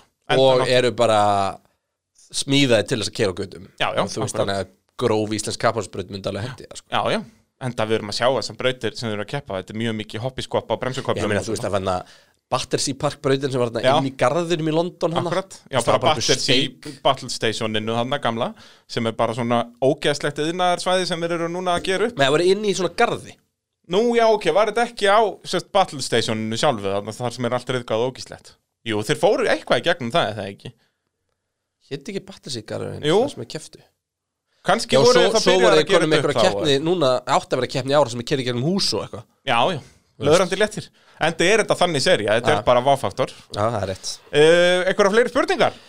um, Eða komment? Við bjóðum einn velkomin á vagnin og langar að segja ykkur að ég vissi ekki pittunum fyrir eftir sakir Já, og uh, verð með næsta velkomin sísón Haldið að vera jafn góður midfieldslagur á næsta tímubili Búið að vera svakalega gaman að fíla- fylgjast með þessu í ár Kveðja Ívar Örn, við erum að tala um Íba GT sko. Ég byrju, er þetta ríkjandi Íslandsmennstari rally? Ok, Betur sætla minninga Já, Já, það er engin ástæða til að halda ekki út að það eru svo litla reglubrytningar Midtfylgslagurinn Það er samt, sko, mun þeir eru allir fara farnir fjandans að til tala um- 2022 Þeir eru svona allir fannar að tala um að þessu bara að fara að breyta alveg 40% af bílunum sko. Já, þetta eru sem sagt gólfið fyrir framan afturdekk allt það svæði mun breytast Vangir og svoleiðis sem sagt, það er ekki reglubreitingar þar en auðvitað munið er breyta einhverju Eh, Þannig að jú, jú, þetta gæti endað í cirka 40% en ég minna það er mun minna heldur en 100% sem er venjulega Eh, Já, ég held það Þannig að, já, ég held að slagurinn, það er engir, engar vísbendingar sem segja að nætti að vera eitthvað minna áhugaverður. Nei. En árið 2022 fer þetta allt fjandans til og við munum óska þess að hafa aldrei farið í reglubreitingar. Hérna kemur spurning uh, sem er kannski meira svona í áttina að, uh, sem við erum eiginlega búin að svara Ok. sem er bara uh, hvað 9, 20, 20 breytunum myndu vilja sjá og 9 einmitt inn í gæsalöfum Akkúrat. myndu vilja sjá sem fastan stað á kaldarnu ég held að það sé Tyrkland og Portamá. og Portamá, við svöruðum því aðan. Og Mugello svona hugsanlega. Já. Gefa þið kannski einn eða tvo aðra sjansa og svo sjá til. það er eitthvað að pressa okkur frá lýsaformúlunni Já, það er ekkert annað. uh, Við getum gert það bara live, bara eitthvað bara á Snapchat. já, sjáum hvað gerist Ha? á McLaren möguleika á að skáka Red Bull næst tímbili með nýja vél í skottinu Nei, þetta er Pétur Smára að spyrja það er eitthvað það ekki. af hverju ekki? Bara þeir eru ekki nógu góður. Bilið er úr skuggala lítið sko. Mm, nei. þeir eru að fara úr Renault yfir í Mercedes Já, ég held að það sé ekkert stórkostlegur munur. Það er munur en ekki, ekki stórkostlegur. Ok, ég er sammálaðir Ég vildi bara aðeins pússa spurningunni Já, sorry að ég er að vera kokki og leðilegur. En, ég, ég, ég, ætla, ég ætla ekki að útiloka það En ég talaði ekki líklegt ég ætla að útiloka það. okay. Þannig að nú, þá getum við spilað þessa klippi í lok næsta tímubils þegar við erum með skítana upp á bakk. Aron Friðrik hendur hérna Binotto er kókrusturum að mótorinn 2021 verði mikið betri Minn það dögði topp 3 Já, það er allavega, þeir eru að, er að segja að þetta mótorvesen verði, verði búið. Sko ég, ég get lo Ef hann er kókrustur með mótorinn 2021 um, Þú veist Að sjálfsög verður hann betri Því valla verður hann verri Já, það er, það er eitt víst. Ferrari verði ekki verri á næsta tímubili. Og þeir voru ekkert það langt frá þessum sem sagt, þriðja, fjórða, fynda sæti slag núna. Nei. Uh, Þannig að þeir verða alveg í mixinu þar, hvort þeir náu þriðasætun eða ekki veit ég ekki, en, en þeir verða að berjast um þriðasætið. Já uh, Stefán Friðbjarnar Byggur okkur um að taka reis við hvern annan í F1 2020 Já, við getum Svo hendt okkur, eru við getum verið að- akademi að gera það. svo er verið að banna okkur að hætta með þáttinn og eitthvað svona dót aftur, Já. eitthvað hérna við ætlum að fara á Viaplay með eh, Hinriki og eitthvað um, ykkar mat á Stroll vs. Seb í Aston Martin hvað hva er að meta? Stroll, já, já, bara hver verður betur á næsta tímubili? Já. Það verður nú Vettel, sko. Það hafi verið áhugaverið spurning ef að þetta hafi verið Peres og Vettel Sammála. saman. Um, En þú hefur vantarlega svarað Vettel í, í bæðum tilfellum. Ég myndi segja að Vettel verið ber- betri en Stroll. Ég myndi að segja að Peres verið betri en Vettel. já, ég gæti alveg kæfta En Ég þú veit veist, það svo því. veit maður Ef ekki að hversu Vettel smellur mikið þeir með eru bílnum. Já, ég segja það, maður veit ekki hversu mikið þeir ætla að elska Vettel og Vettel er að elska þá um, eitt sem segir hérna eða hann bæti við síðan og sorg að sjá run og nafni hverfa spurningamarki Nei, Alpín er geggjað nafn sem er mikið heritage í motorsport Já, en þú veist að run og hætta, sko Þú veist, það, Já, er, já. það er big scale framlegandi Já, já, það er svo sem alveg rétt að, að, Það er skellur En, Ég er svona en eiginlega þeir sammála, ætla ég- líka að snúa þessu eitthvað upp og þú byrja að gera þá eitthvað Alpín performance Já, stats og- ég er ekki basically bara að þetta run og sportdæmi verður bara alpin Já, þú veist, þetta er bara eins og ef að Mercedes myndu hætta en AMG myndu byrja Þú veist, ég held Svolítið að það sé þannig Þannig að við Það er þurfum ekki M-dild, það M-dild BMF eða eitthvað Já, Mm, akkurat, akkurat Eh, uh, Væri til í umræðum ökumannsmarkaðin um kemur hérna, við tökum það fyrir Já, við erum það í- bæði í búin að taka það fyrir upphitunar-þættinum. og tökum það fyrir uppbyrna Já. þennum og uh, já, eitt sem ég þáttu væntum og það var bara takk fyrir að hafa þættina filterað og politically correct þetta veistu það, það er engin að reyna neitt hérna við Nei. erum bara svolítið á þessari blasi að bara, þú veist og það er ekkert politically correct um brala Nei, nei, það það er er- kalla menn tussur og tíkur Já, hérna, bara um leið ég, og- ég nenni því ekki, sko Það er bara, ég, En ég það góða sko, er, það góða er að ef það kemur koniformleitt, þá fengjum við nákvæmlega sama frá brallinu, Já, þú veist það er bara, það er nákvæmlega svo leis það er bara þannig Og ég er orðin þreyttur á að vera Bræði Þorðarsson, sko Ég hef þurft að vera hann í, í minni motorsport umfjöllun upp að, upp að pitnum Þannig að ég elska að vera Bralli vittlisingur hér Hversu spenntur er að fá Peres til Red Bull spyr, and, spyr Andri Bara mjög spenntur uh, Mjög spenntur, já uh, Hann verður ekkert Ég er bara Ég mjög held að hann peppaður. verði ekki einu sinna að berjast við Verstappen En hann verður betur en Alban e, Eh, Já Hvað heldur, heldur hann verði í sama bólparki og Verstappen? Nei, Ég held ekki, sko ég held að Verstappen sé bara once in a lifetime, eh, once in a generation talent sko. Og líka út af því að bílinn er svona hannaði fyrir Vestappen og er erfitt að keira hann og allt þetta þá held ég að Peres verði þarna ólsegur verði bara duglegur að sapna fjórðasætum en uh, Vestappen verði betri sko, en Vestappen verður ekki að hringan Herði, það er verið að benda okkur á að uh, já, þeir vilja fá Kristján og Braga í Grand Turismo Sport GTS Æsland Við Já, skuldum keppni, við lofum því já, Við já erum alltaf bara, að lofa ykkur upp á okkur nei bara hver, hvenær erum við hjólið þetta? Um, Bara annan í ann, ég verð svolítið þunnur fyrst dagjan, ég nenni því ekki þá Já, En hvað, eigum við að fara að keppa? Eigum við ekki bara að gera Ekki keppna? vera með Í það er alveg möguleiki sko, allir á, þú veist, valsækinn rúbröð í snjó á Núrburgring, þá er í game Já, Bara bing, bara búm hann hljóma vel En það ekki? Jú. Gera það þá helst fyrsta í hann að að þú verður að vera þunnur Þú veist, allir verða að blása og ef, þú, ef það er ekki engar prósendur þá ferðu heim En kvöldi fyrst í Janmáli eða? Ekki hvað helst svona hátegi, það hafa menn alveg vel í því sko að það er, það er bannað að keira upp í GT Akademi þú verður að fá far Já, þú náttúrulega getur ekkert spila Grand Turismo Sport upp í GT Akademi Nú, já, Koma ok. þér fyrir einhvers stað Já, það er bara, við rettum því einhvers Já. staðar. Ég Kannski getur bara, við gert það upp í GT Akademi jú, ég ert installað á svona okkur tölfur og eitthvað Þetta eru Playzone leikir sko.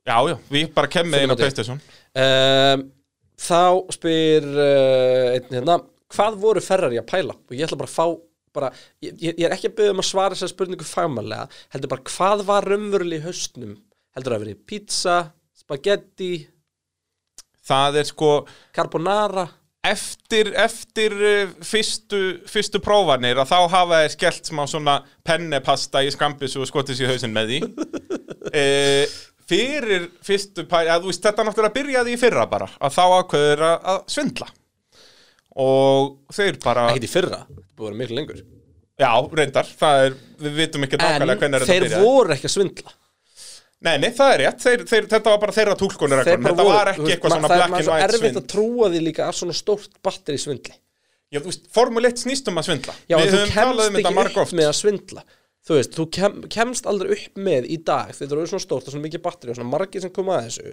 þú munt aldrei komast upp með bleitant svindl var þetta blatant svindl? greinilega ekki Nei, nei, þú veist, eins og ég segi, þú veist, er þá daskerfið er, það er ekki svindl. Þú veist, þetta er allt bara, Nei, formulegt snýst um að daskerfið svindla. var, daskerfið var ekki bara Nei, nei, ég- banna ég- instantly Ég veit það, ég veit það hefði ekki gæst Já, já, en, en þetta er það sem ég er að segja. Formulegt snýst um að svindla og þeir bara því miður fór aðeins yfir línuna. þarna. Það er mitt svar við þessara spurningu. Já. En svo náttúrulega ofan á allt þetta eru þeir sjálfum sér vestir, sko. Og það, ofan á að vera með grútlélegan bíla þá er afriðt stopp hjá Vettel svona 24 sekundur. Eigum við þá að fara í gegnum já, liðin Já, Hvar- rúlla aðeins í hvar gegnum við- þetta. hvar við setjum þau Já, þá sérst við ákvaðum að ranga þau bara frá Hvort- einum upp í tíu skilur Nú- eh, í hvaða sæti við myndum Já, setja nú þau. eru þrý hluti sem getum farið eftir Ok. Það er annað hvað liðin raunverulega enduð í stíðakefni Eigum við ekki að gera það, er það ekki þægilegast? Og þá byrja á Williams bara Já, byrja Farðu. neðst, já, Já, ég, það ég ekki. til í það, jú Þá okay, erum og aðeins við að erum, brjóta sem þetta sagt, við erum að ranka liðin og þetta þýr ekki endilega sko Benz unnu og þess vegna eru þeirri fyrst seti og Red Bull í öðru seti þetta er meira svona framfari frá því fyrra, þú veist, Bara náðu hvernig þeir þeim því gekk. sko. út úr bílnum sem Já. þeir gátu, þróuðu þeir og lélega bíl, það er svona ímislegt Hvernig aukumennin stóðu sig, þú veist, Já. þetta er náttúrulega liðin og aukumennin eru partir af liðunum Williams lendi síðastætti, en við slum byrja á þeim Já, eigum við að byrja á að, að heyra hvað, hvað við höfum að segja um þá Já, fyrir tímabil, þar sem ég klifti nú saman nokkrar, nokkrar klippur frá bara sérst, fyrsta þættunum okkar Og þá vorum við að tala um Williams uh, hér En uh, Nicholas Latifi, hann allavega verður með, með George Russell og uh, ég held að George Russell sé hann er topp 3 mest spennandi aukumenn í formúlu í dag Heldur hann eigi eftir að raskjalla Kanadamannin? Já, Já, ég held það Ég Þið held að þetta heyrðuð er það raskill fyrst að hér, Latifi gott fólk. Já, ég er ekkit Ég er ekkit spennt yfir Latifi þetta var bara mjög gott sjátt síðan höldum við eitthvað áfram Þú veist, já, ég ætla að spá því að að Williams verði ekki í síðasta seti í, í stegakeppninni í ár Skellur á, á bjösvinni þarna að- að ég held að þeir væri að fara að fá okkur stig og eitthvað Ég held samt síðan sko í uppbytun versjón 2 að þá hafði ég tekið þetta tilbaka og sagt sko, heyrðu Vilja fá yngir stig Já, að, og ég man var, einhvern ég tímann man að ég sagði að ég myndi fá stig sko. Já, ég man einhvern tímann sagði ég að ég var kókraustur að ég myndi ekki fá stig Já. sem að var- kom svo á daginn, en greinilega ekki það er það góða við að vera segja bara allar skoðanirnar, þá hefur maður alltaf einhvern tímann rétt fyrir sér. Það er blómálið Uh, hvar rankar þú William sem sagt, og þetta er ekki engun heldur bara í hvaða sæti setur Já, lið þetta er, við erum beislega að gefa þeim engun Já, og, eh, en ég er ekki að fara að gefa þeim eitthvað frá bylnu 0 til 10 eitthvað nei, uh, Ég setja það í sjöndasæti já, ekki lélegastir Nei Ok, uh, uh, Eh, þeir, Eh, af eru, hverju þeir eru nær toppnum minni fyrra Þeir eru jafn, Ok, með, þeir eru með jafnmörg stig en nei, nei, prósentulega þeir eru eru með einu stíu færra Það er rétt Þeir fóru aftur, það eru 100% lækkun Já, Hérna já miljón prósent, það er bara jafnmörg prósent og þú vilt um, Sko Bíllinn er miklu nær uh,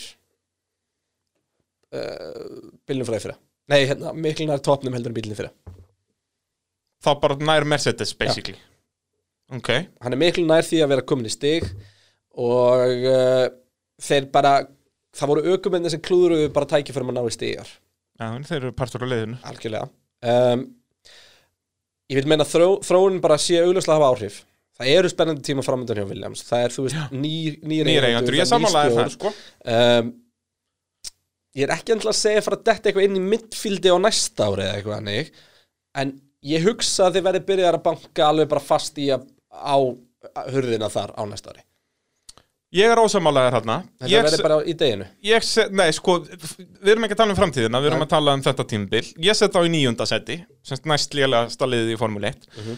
og aðalega vegna þess að þeir fengu svo gott tækifæri til þess að vera ekki að berjast í mittfildinu heldur bara að vera bestir í þessari Formule 3 eða hvað við Já, köllum þetta. undanferðir Já, út að ferrar í hvert En þeir voru, þú veist- Haas og, og hérna Bíllinn er samt sko tveimur sekundum hraðar í tímatökum í ár heldur en í fyrra á eitthvað sko Já, en ég meina þeir voru í tveimur keppnum af 17 náðu þeir að vera eða í einni, einni eða tveimur náðu þeir að vera bestir í þessari formúlu 3 annars Hvenær voru þeir gerðu þeir aldrei það í fyrra? bestir uh, Allan þegar Kubika fekk þetta eina stig Nei, það var í hérna, Þískalandi var það ekki Jú. Já, það var allt í steik Já, en þá voru þeir bestir af Gasti þessum var næstu söru á velunapalli og Já, eitthvað það var Nei, engin- kvíat var á velunapalli Þá var engin Alfa Romeo og Haas á vendaði Þú veist, eh, kann- Nei, var ekki rækonin segur, jú, það geti verið Já, ég held það Jú, það er svo góða punktur Þannig að En- þú veist, en- það er svona svo alltaf að segja að Tyrkland hefur verið eitthvað mælistika sko. Já, já, það er, það er alveg rétt en, svona overall, við slum heldur ekki gleyma því það var ekkit eðla lítið um bílunar svona á þessu tímbili, bara hjá liðum Já, en eins og sé, bara hafa ekki náðu að nýta sér þennan Ferrari-mótor hjá anstæðingunum Já, ég kaupi það, en Mm. Finnst bílinn mér var bara agalegt, sko. svo ógeðslega lýr ég, set og- ég, er- ég er ekki að ranka á hátt sko Nei, nei, Þeir það er fyrir alveg neðan rétt. miðju. Já, en ég meina þú ert með þrjú lið fyrir neðan Já, Það er svolítið, við fáum að komast að því hér á, í listanum hvaða lið eru þarna fyrir neðan og þá kemur Haas sterkirinn sem er næst á dagskrá já, Þa, þeir sem stenda í níunda sendi í, í keppni Með þrjú bílasmiða. stig. með þrjú stig, voru með 23 og sérst, þegar ég tala um stig í fyrra að þá er ég búin að rekna það inn sérst að það voru 21 keppni fyrra núna voru bara 17, ég er búin að taka þá prósentu af öllum stigum, alltaf þegar ég segi eitthvað stig- tölfræðið í hendur ég kann, ég kann á reiknivélina sko, þetta er ótrúlegt og hérna, þannig að já, þegar ég minnist á ykkur stig frá því í fyrra að þá er ég að gera ráð fyrir, þú veist, ég bara markvaldaði með 17 og deildi með 21 basically. uh, Haas fá þann vafa sem að titilu mér að vera næstir Já, þú setja það í tíunda seti, rock Já. bottom Rock Bottom Bílinn var léleri og léleri og léleri eftir þessi leið á árið Já, það er endar mjög góða punktur sem að ég hafði ekki pælt í og þú veist, þetta er bara þú veist svo, svo ráðaðir Marsipin Já. Marsipan Marsipan er Ekki, alveg ég getur ekki rjóminn í kallað það Marsipan pilsendunum Ég elska Marsipan, sko Já, ég hata Marsipan Ég elska Marsipan, þannig að við verðum að finna eitthvað annað Nei, þú mátt finna Erum eitthvað við ekki annað. Ég báðið ætla sammála um kalla að hann Marzipan. rauðu Macintosh-mólinu séu vondir? Ég ætlar að kalla hann rauðan Mackintonsmóla Já, þannig að rauðu Macintosh-mólin Marsipannið Hann heitir Marsip, hvað heitir hann? Marsipin? Marsipin Já, þetta er Marsipan Ha? Hérna, já. þú veist Þetta er bara Já, það er alveg rétt. Eftir léleg tímubila þá ákvaður að setja rjóminn í pilsuðendan með að- að ráða ákveður að setja rjóman í pilsu heldur betur maður. Það verður ekki mikið verður en það. Þú ert bara búinn með pilsuna og ákveður að skella pilsuðendanum hún í rjóma og taka þannig síðasta bitar. Sko, það þetta er agalegt alveg. Ha. Ok, ég kaupi það Já, Ég já. kaupi það. Þetta er næstu jafnslæmt og ja, þetta, er, þetta er samt ekki jafnslæmt og að skýta í degið. Nei Og það að þú skýtur í- og byrjar síðan að elda Væri það. rúsina í pilsu þetta alveg mikið verri eða? Nei, Einhver Rúsina rjómi. inn í kjöti, Inn- inn... Veist, er það ekki eitthvað ömulegt? Já, kannski, ég þekki það ekki, sko. Það Mér er- langar ekki að prófa það allavega Við, þetta er eitthvað sem við þurftum að prófa Meðan það hefur verið að bóna á mér skalla Þá er ég meina Þá verður þú í eldhúsinu Rúsina í pilsu þetta Hérna uh, já, Já, sko þú s- setur, ég set á í áttundasæti En mér finnst þetta að þú veist, þe- þe- mér finnst þetta mi- bottom fjögur lið bara öll eiga að sjátt í næst sæti sko Já, sko, eina ástæða fyrir ég set á ekki í næsta sæti er náttúrulega að þeir fengu svo mikið handikap út af þessum Ferrari mótor En þá er svo góðu vorkennir. punktur á þér að þeir voru samt ekkert að hjálpa sér, Nei, skilur en ég heldur að hafa ekki þróa bílinn neitt sko. Nei, nei, ekki Þeir lærðu þið það þetta fyrir einhverjum árum Þú ert Já, að þróa bíla, ég það segi- var alltaf verri Já, ég segi- Sleppu þessu bara að byrja fínt maður Já, bara hringi Dallara og segja, heyrðu, byrjið á 2021 og bara við nennum þess ekki hérna, Um, þannig að já, ekkert, ekkert mikið að- að að tala um þarna hjá Haas og jú, ég set það svo sem líka eh, slæmt með að þeir, þessi rökuminn áttu náttúrulega aldrei að vera þarna Já. þeir skitaði eins á sig á rökuminsmarkaðanum, það er óvægt að segja það Eh, Þá fyrir við í Alfa Romeo já, 40-60 fyrir áttægi ár Rækonin og Giovannizzi hann með fjögusti kvor og uh, ég seti á í nýjöndasetti seti Já. næst liðlegasta Ég set á í sjöðenda og er unni með sömu afsökun. Ég set á fyrir ofan has vegna þess að þeir voru ekki að skýta á þessu aukumannsmarkaði en þeir gáttu lítið gert með arfaslagan Ferrari mótor. Mér fannst það bara svo lélitt frá aðtilu Þú veist, það vantaði allt svona sem að þeir hafa verið þekkti fyrir að ná í eitthvað svona surprise úslit með góðum strakkdíum og eitthvað svona, Svona dót. eins og Alfa Tauri var að Já, gera þeir eru basically. með Kimi Rækonin sem getur dreigið fram ótrúlegustu hluti en þú veist, sjáðu þegar hann nær sér þannig upp í hvað var þetta 54. sæti eitthvað í Portamá og svo bara, Já, eins og Monza, Þú veist. hann enduræsti, nei, hérna, jú, að Monza, Já, Ah. enduræsti hann annar og bara hrundi, hann datt nýr í tólta eða Einmitt, eitthvað, bara á á bara einhverjum nokkrum sjö hringjum. hringjum Já, eða já, bara fáraleg. Þessi bíl var agalegur og eins, þú veist, þegar hann tekur tölvileikja hringin sem hann ja. portamá og síðan rinnur hann bara Ah. þetta. er- Einmitt. Þannig að, já, ekki mikið að frétta hjá, hjá alfanum. Herru, ég er að gleyma að spila klippur, samt. Er ég með einhverja klippur frá, hvað býtu, ég er með eina klippu fyrir Haas, við þurfum bara að fara aftur, sorry með mig. og nú ætlaðu að tala um hans Já, það, það getur verið gaman hvað ég segi hér eða við. Ég ætla að gera svona djárfur og segja að hans lendi í síðasta sendi í ár. Ég held En að... þeir verða samt í, þú veist, fyrst og öðru sæti ástarlið þegar hjólinn Já, þetta. já, já, algjörlega, algjörlega, sko. En, þú veist, Grósjan og Magnúsen eru hálfvittar. Þeir kunni ekki að akka formule 1 yfirið. Það, já, en þetta var samt rátt hjá mér. Það er bara ránt, B-hundur uh, Magnússon Þarna- skilaði stí og Grósan tveimur Já, þarna var ég að rugglast á Williams og... og, og En ég held ennþá að sko. spátumurum minnum fyrst og annars að ég ástæðlu þegar hjólið þetta af hefði verið Já, rétt. hann hafði 100% verið réttur, sko. Ég var að heyra hvað við höfum að segja um uh, Alfa Romeo. Með honum er svo náttúrulega Antonio Giovinazzi aftur og uh, eina ástæði fyrir að hann er þarna bara mikk sjúma ekki tilbúin. Já, er það ekki svolítið svo leiðis? Ég held það, Antonio Giovinazzi er ekki að fara neitt annað, sko. og það kom alveg á daginn þú veist að Það fó bara ekki neitt já, svo fyrir utan það sko en, en já, ekki mikið að frétta það er átt að segja það og já, hverjir eru þá næstir að daskra hjá okkur af, af liðum sem við Það er ætlum Alfa að tala um? Tauri það er Alfa Tauri, hinn er einu sunnu Ertu með klippið þar eða? ég er ekki með klippu þar, við greinlega sögðum ekkert merkilegt um það Nei um, Alfa Tauri sjötta sæti í fyrra sjönda sæti núna Hins vegar áhugavert í fyrra samkvæmt útreikningu uh, B-hundsins að fóði 69 stig já, uh, sem var mjög skrítið því að bara Gastli var með 77 Nei, já, hann var náttúrulega í Red Bull líka um, já, en hann var hann byrjaði, Já. ekkert, hann fekk ekkert Hann fékk ég held að hann hafi ekkert- fengið mikið fleiri stig fyrir Alfa Tauri sko. uh, En þeir voru með 103 stig í ár já, en voru samt verri skilja, Já, þess samt að voru í sæti sjöðunda neðar. seti já, já. uh, Ég ætla að setja þá í það vafasama sæti, fimmta sæti ég er samanlega þar Smack middle Það voru bara þrjú lið sem við vorum sammála um og Alfa Tauri er eitt þeirra. Já. Það er ekki oft sem við erum sammála. Nei, það er ekki oft sem við erum sammála Nei. En uh, það gerist Og, uh, Og ert þú svona með einhver komment um þetta Alfa sko, Tauri þetta, er, lið? þetta var bara talsið stigaukning hjá þeim frá því fyrra og Já. náttúrulega stór úslit fyrir gasli þú veist Já. náttúrulega, þú veist, ekki bara þessum Monsa sigur heldur bara, það voru bara mörg stór úslit heldur liðin náttúrulega algjörlega uppi skilur, hann er með meir en helmingi meiri stig heldur en liðsulegin um, þeir fá líka hjá mér bara svolítið að svona auka punktum út af því að þeir í raun og veru sko, mér finnst þeir oftar en ekki ná með strakitíum og þannilegu að koma komast ofar heldur en við var búist Já, þeir eru ólsegir í einmitt að- að vera tilbúnir Já. Þú veist, hversu margar keppnir átti Albon að vinna ef hann hafði nýtt tækifærin skilur Emitt. og eins með þetta, það eru bara tvær keppnir sem Mercedes geta á sig og Verstappen var ekki til að vinna þar hvorvar Já. Þú veist, og allt þetta og, og ég og er alveg náttúrulega eina sammála liðið þessu sem fer fram úr þeim er hástökkur ásinn sko. Já, veist, og, Racing og Point. máli með þetta að við erum að tala um okkur, þeir fá samt alveg vel fleiri stig núna, þeir eru með 103 stig núna með við 69 útreiknustig í fyrra en málið er að þeir eru að fá þessi fleiri stig út af því að Ferrari er ekki í spilinu líka, eða þú veist, í þessum besta Já, fyrir og restúrslutum náttúrulega bara 25 stig af 103 fyrir eitt sigur er hans Já. mikið sko. það er í, í, í, þegar þú ert í þessu sæti að þá hefur það hansi mikið að segja þannig að, þú veist, eitt punktur sem ég kom með er að þeir hefðu kannski átt að gera betur út að Honda var með svo mikla framfærir í ár, sko, þú veist, síðustu ár hjá þeim hafa bara farið í það að vera með grid penalties út að þeir eru ennþá að þróa, þróa, þróa núna var Honda viljum bara orðin góð og bilaði af allan eitt þannig að, að Jú, vissulega átt að gera eins betur þar og þess vegna setja ég það bara í fymta sæti, bara middle of the road, eins og maður segir. Uh, þá er komið að Ferrari og, og þá erum við nú með, með nokkrar klippur enda, enda dásamlegar fréttir þar. Ef við ekki byrja á klippu sem sagt bara frá fyrsta þætti pitsins, þar sem að, hvað, voru þá ekki bara prófarnir nýbúnar eða eitthvað svoleiðis? Þá var COVID eða ekki komið í, í, í fullt gang, við skulum heyra hvað við sögðum. eins og Ferri hafi verið síðustu ár þá hafa þær ekkert þurft lélegan bíl til að drulla upp á bak Nei, því það er Ferrari reyndar hefur rétt, bara sjá verið alfarið um það sjálfur. þú veist, strakitían og svona hlutir hefur bara verið grín það er svo auðvelt að gaggrinda halvar nú þú veist, þetta er bara eitthvað ég bara fatt þetta ekki Nei. Og það kom svo alveg á daginn, en, en svo vorum við líka með skemmtilega pælingar, sko, þetta við gerðum náttúrulega basically tvo uppbytuna þætti.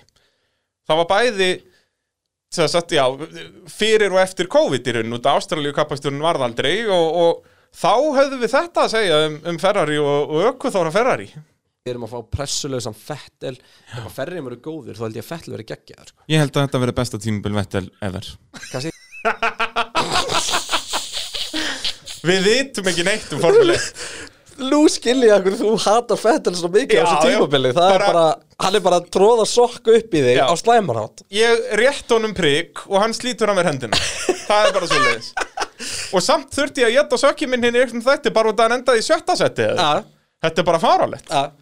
hann, hann er búin að gera allt slemt fyrir mig, helvitið á honum uh, þetta var dásamlegt að heyra þetta ah. en sko í fyrra dæmi, ég hins vegar segi, ef að ferrið verið góðir þá held ég að fettel verið frábær þannig að ég slepp svolítið þú þarna, sko. sleppur alveg, ég kom bara ádreið þetta verður besta tímabil vettel og eins og við töluðum um bara var það ekki í síðasta eða þar síðasta þetta að þetta er versta tímabil vettel sko. já, frá upphæði bara frá upphæfið, þú veist meira að segja þegar hann tók eitthvað hálft sísón á, hvað var hann á okkurum Williams og hérna Toro Rosso eða eitthvað 2007 að þá var það samt tæknilega betra Já. þannig að, um, ég ætla að setja að ferri í áttundasæti já, já og þannig að þú ert ekki, ég er með þá í síðasta seti ég er með þá í tíunda Já, ástæðan fyrir ég setja á þeim er að þeir ná velnapalli og leikleurk og Já. þeir eru með mótorinn alltaf mót sér, jú, þú veist ég bara, ég get En ég ekki meina, tekið mótor fyrir tveir jaskóðið velunapallar fyrir, fyrir ferrari er ömulegt já, þú veist En- verðum við ekki að gera þetta svolítið miða við standardin sem við og það er það sem ég er að gera þér En- fannst samt hverju voru, varstu með fyrir neðan Haas. Haas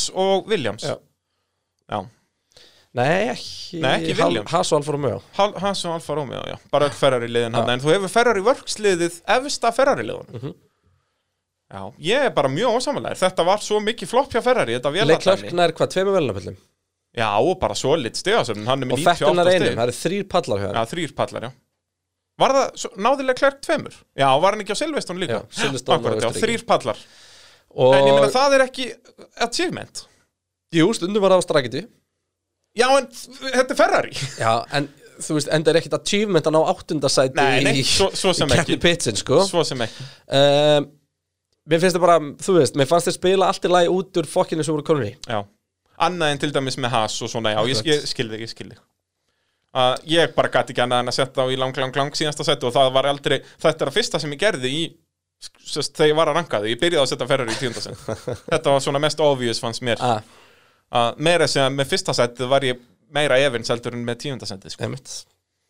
Já, þú veist, við erum bara búin að ræða þetta svo mikið en ég, Já, ég setja og hana þetta er bara, já komið gott af, af Ferrari pælingum þá er það Runo sem koma Já, næstir Þeir voru hvað erfiðast er að mínum Já, mati að ég rak- samanlega þar Og eru- Runo, Runo og Alfa Racing Tauri, Point. Racing Point, allt þetta Já. var svona En við skulum heyra hvað við höfum að segja um, um Runo í, í byrjun tímabils Já, já, Eh, ok. Runo, hvar heldur að þeir verði í, í ár? Þú veist, þeir Ég eru held að verði náttúrulega- bara á nákvæmlega sama staði fyrir Pá! Já, að maklar að vera ennþá hraðari Þetta er náttúrulega pínu vandræðilegt Nei, og ég held þeir að eru- verði, ég held að verði bara ma maklar run og slagur sko. Ég held Já, að verði ég bara svona vona það. skemmtileg keppni sko. Gott, sjá, sjá kásalnum hann Og Rikki Ardú er náttúrulega bara, þú veist, hann er að vera 30 á þessu ári, minni mig, hann er ekki 90 mótil Jú, getur verið eitthvað svo leiðis Og uh, þannig að það er ekkit eitthvað endalust eftir fyrir hann Og Þetta er, s- hann, þú veist, árið í ári ár sem að hann þarf að taka ákvörun um framtíðina sko. Ef hann er ekki að sjá run og verða að einhverju mögulegu meistaraefni 21 þá verður hann bara vonanslega opnið sæti hjá Ferrari Mercedes eða Red Bull sko.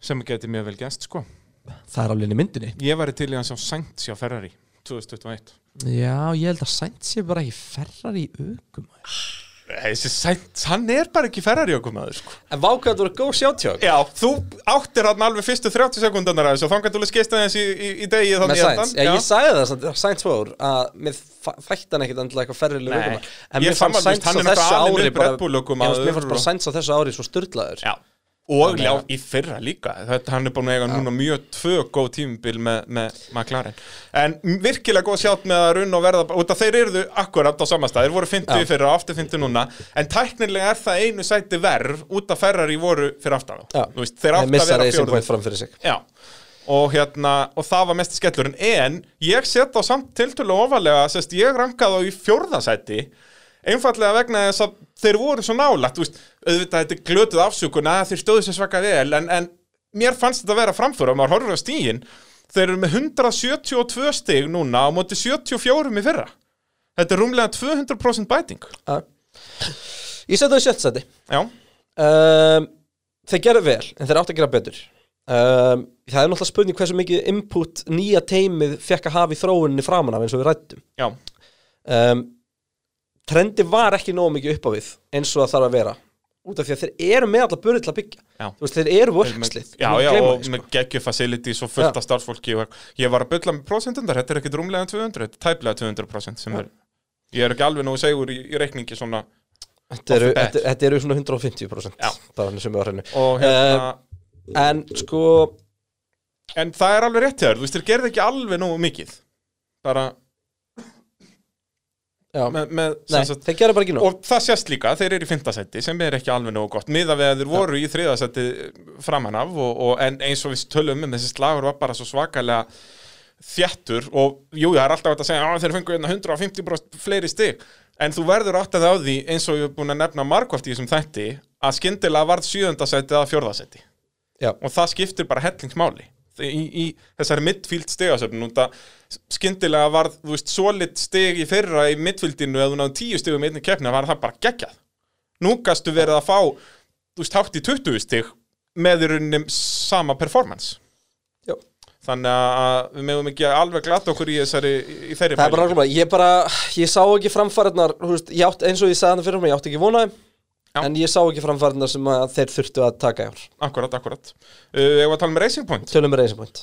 Eigum við byrja á að hlusta á hvað við vorum að tala um Racing Point uh, fyrir um það bil 12 mánuðum síðan, nei svona 10 mánuðum síðan Og þetta var bara leiðin til þess að komast í toppin Og ég bara er að segja ykkur að Sergio Pérez verður á velunapalli í fyrstu þremi keppni Já, sko, þ- ég ætla að fara Sérst svo langt einhverja af fyrstu þremi keppni já, er ég já. að tala um Út af því að ég held að við séum báðar sammála um það að þeir verða mjög snakkir fyrir par tímabils og svo Pottet. mun þróunin aftur að þeim í raun Þannig nefnilega var þetta öfugt með hvernig við heldum sko, út af þeir byrjuðu mjög illa Sko, þeir byrjuðu frábælega, þeir bara kláruðu ekki dæmið. Já, Þú veist, þeir, þeir voru alltaf ógislega hraðir og þeir voru að underperformera framan af. já, já, það er málið að, að, og þess vegna, þú veist, þó að með þessi mínus 15 steg sem við fengum fyrir svindlið að þeir áttu allan tíman að vera í þriðasetti Já.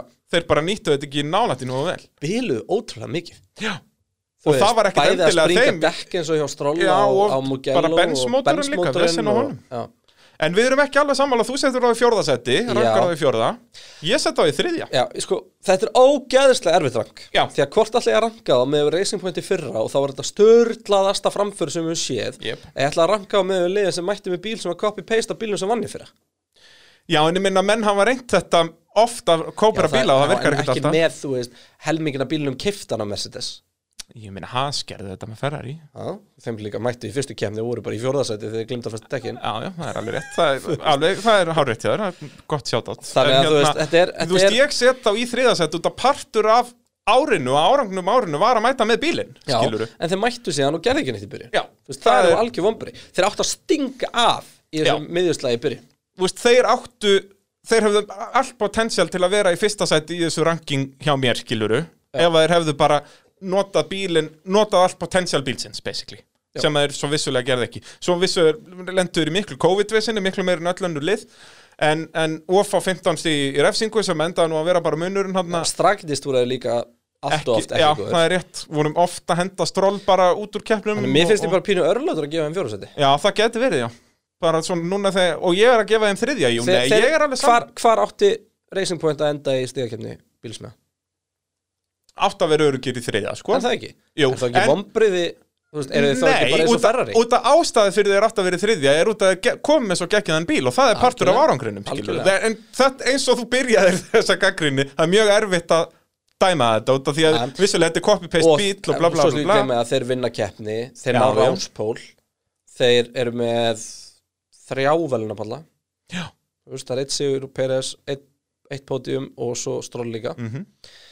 þannig að þú veist það er það var rosalega margt frábært á þessu árið en ég bara það, þeir, þeir executed þetta ekki að vilja gáttu Já, náði ekki að fulfilla promisið Nei, basically, já. sem að, þeir- sem að þeir höfðu en þeir höfðu þetta promise og það er partur af þeir programmin eru með geðveitt dæmi til að byggja næsta ára Já, já, og núna ná- og náttúrulega, og þú byrjaðar á að tala um sko, en ætti ég að gefa þeim þetta miða við árangur í fyrra, ef við byrjum þetta saman, fjórðasætti núna 194 stig, þar af mínus 15, skilur, þetta eru rúm 200 stig sem þeir fengu og sjöðandasætti í fyrra með 59 bara þetta, þú veist, þeir töpuðu fyrir Alfa Tauri í fyrra, sko Heimitt. þannig að þvílík bæting en átt að gera betur það er held ég að við getum verið sammála um það Eh, þá er, já, McLaren algjörlega frábær árangur þar á bæ Eh, við skulum byrja að heyra hvað, já, hvernig okkur myndi halda að þeim myndi, þeim myndi ganga ef að ég fæ tölvun eitthvað til að virka hérna við skulum sjá hvað við höfum að segja um þetta dásamlega lið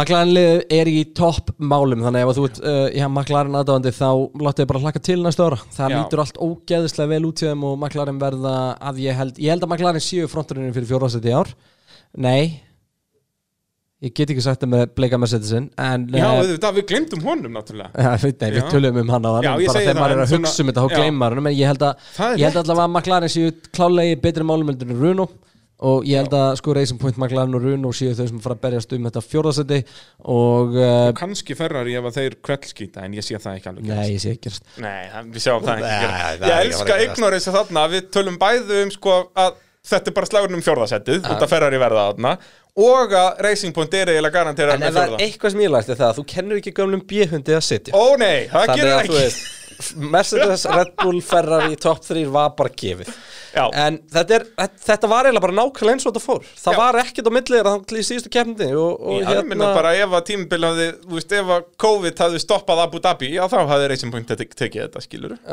Þetta er bara, þetta réðist algjörlega á síðustu stundu sem er svo sjálfgeft í bílaframleiðanda En strax sko. fyrir mér er McLaren næst besta lið ásins Já, við erum sammála, þetta er annað leið sem við erum sammála um Mér fannst þeir fara umfram væntingar Mér Algjörlega, fannst þeir uh, báðir aukumenni gera geggja hluti Mér fannst þróum bílsins áhugaverð Það var sem náttúrulega svo áhugavert í þessum miðurslega hvað það var sveiflukjöndum milli brauta Já, Það alveg er bara svakalega draumurinn að milli við fáum þannig einhver tíman í um, um toppin þar sem að þú veist Red Bull eru betra á þessari braut, Mercedes eru betra á þessari og Ferrari eru betra á þessari, McLaren eða hver sem ætlar að vera þarna og svo koma einu og einn braut þar sem þeir eru á pari en Já. samt er, þú veist Mercedes sem betri í háhraða en Red Bull sem betri í láhraða, þú veist, og eitthvað svona Það er það sem gerði þessi 2010 og 2012 tímabil svo geggjuð. Ja. Þá var þetta akkurat þannig. Þá var Vettel eitthvað tíma bara mjög sáttur með fymtasætið eitthvað einmitt á staðar. einhverja háhraðabraut Já, ég segi það og þá bara heyrði ég að við gerðum eins vel og við gátum, sko. Þú veist, eitthvað bara sem að nýmóðins formuleitt að þetta hefur ekki hugmynd um að geta gest, sko. En, en við sjáum það mitt í þessu mittfinnslega og væri, já, störla ef að það við bara bönnum Benz á næsta ári. Og Red um, Bull. þeir fá stóra fjárfestingunni á þessu ári sem er, er jákvæmdi framtíðar þeir taka ákvörðun að fara við til Benz þarna rétt fyrir tímabilið Fá Ríkki Ardó, fá Ríkki það bara Ardó framtíðan er svo björt, sko.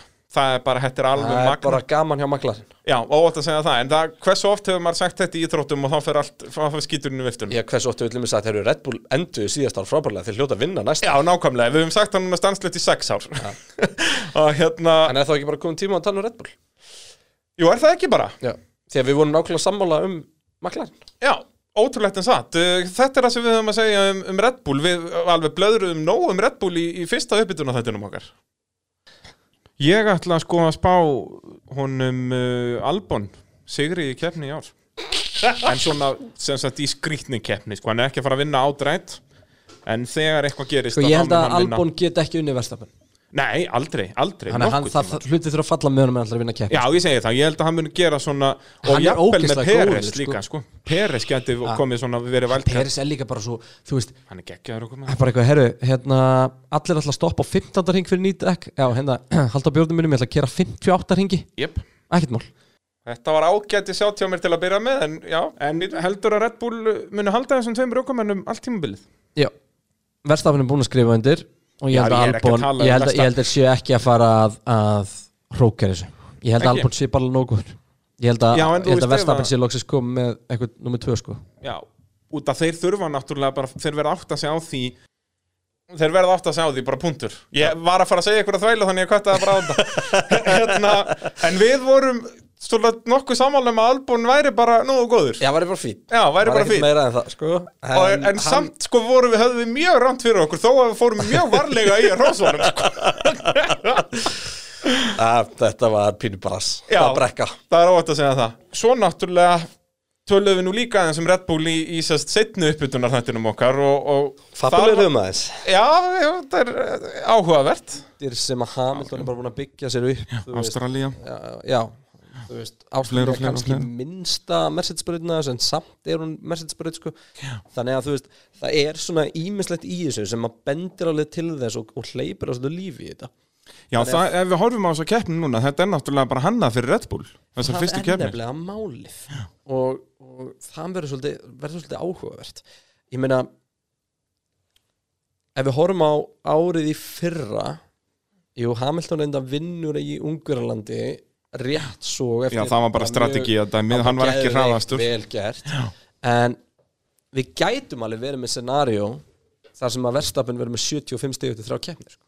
já, það, það geti vel verið, sko, vinnur Austuríki, Austuríki og Ungverjaland hann blei alveg inn í myndinni sko. en svo er náttúrulega það líka að Red Bull byrja yfirleitt ekki vel, þeir enda alltaf mjög vel það er svolítið út af brautunum líka já, en líka já, Já, það er Þetta var, þetta var nefnilega alveg í myndinni þarna Já, já, og ég er alveg sammála okkur þarna að þessu leiti en það er bara, þú veist, Verstappen, það bílar hjá honum Vélinn í fyrstu keppni Já, Albon átt að vinna Albon áttavinnana Þú veist, þetta, en þetta var svona eins og með Racing Point Þeir höfðu allt til að ná góðum árangri en það bara gerist ekki Þetta er kappastur, svona, svona hlutir geta gest Já, Þannig að, að hérna Já, og Red Bull, sko, ég set þá við, Þetta er annað lið sem við erum ekki sammála um sem er dansanlegt Ég set þá í sjötta seti Já, í rankinu á mér Hvar ert þú með það?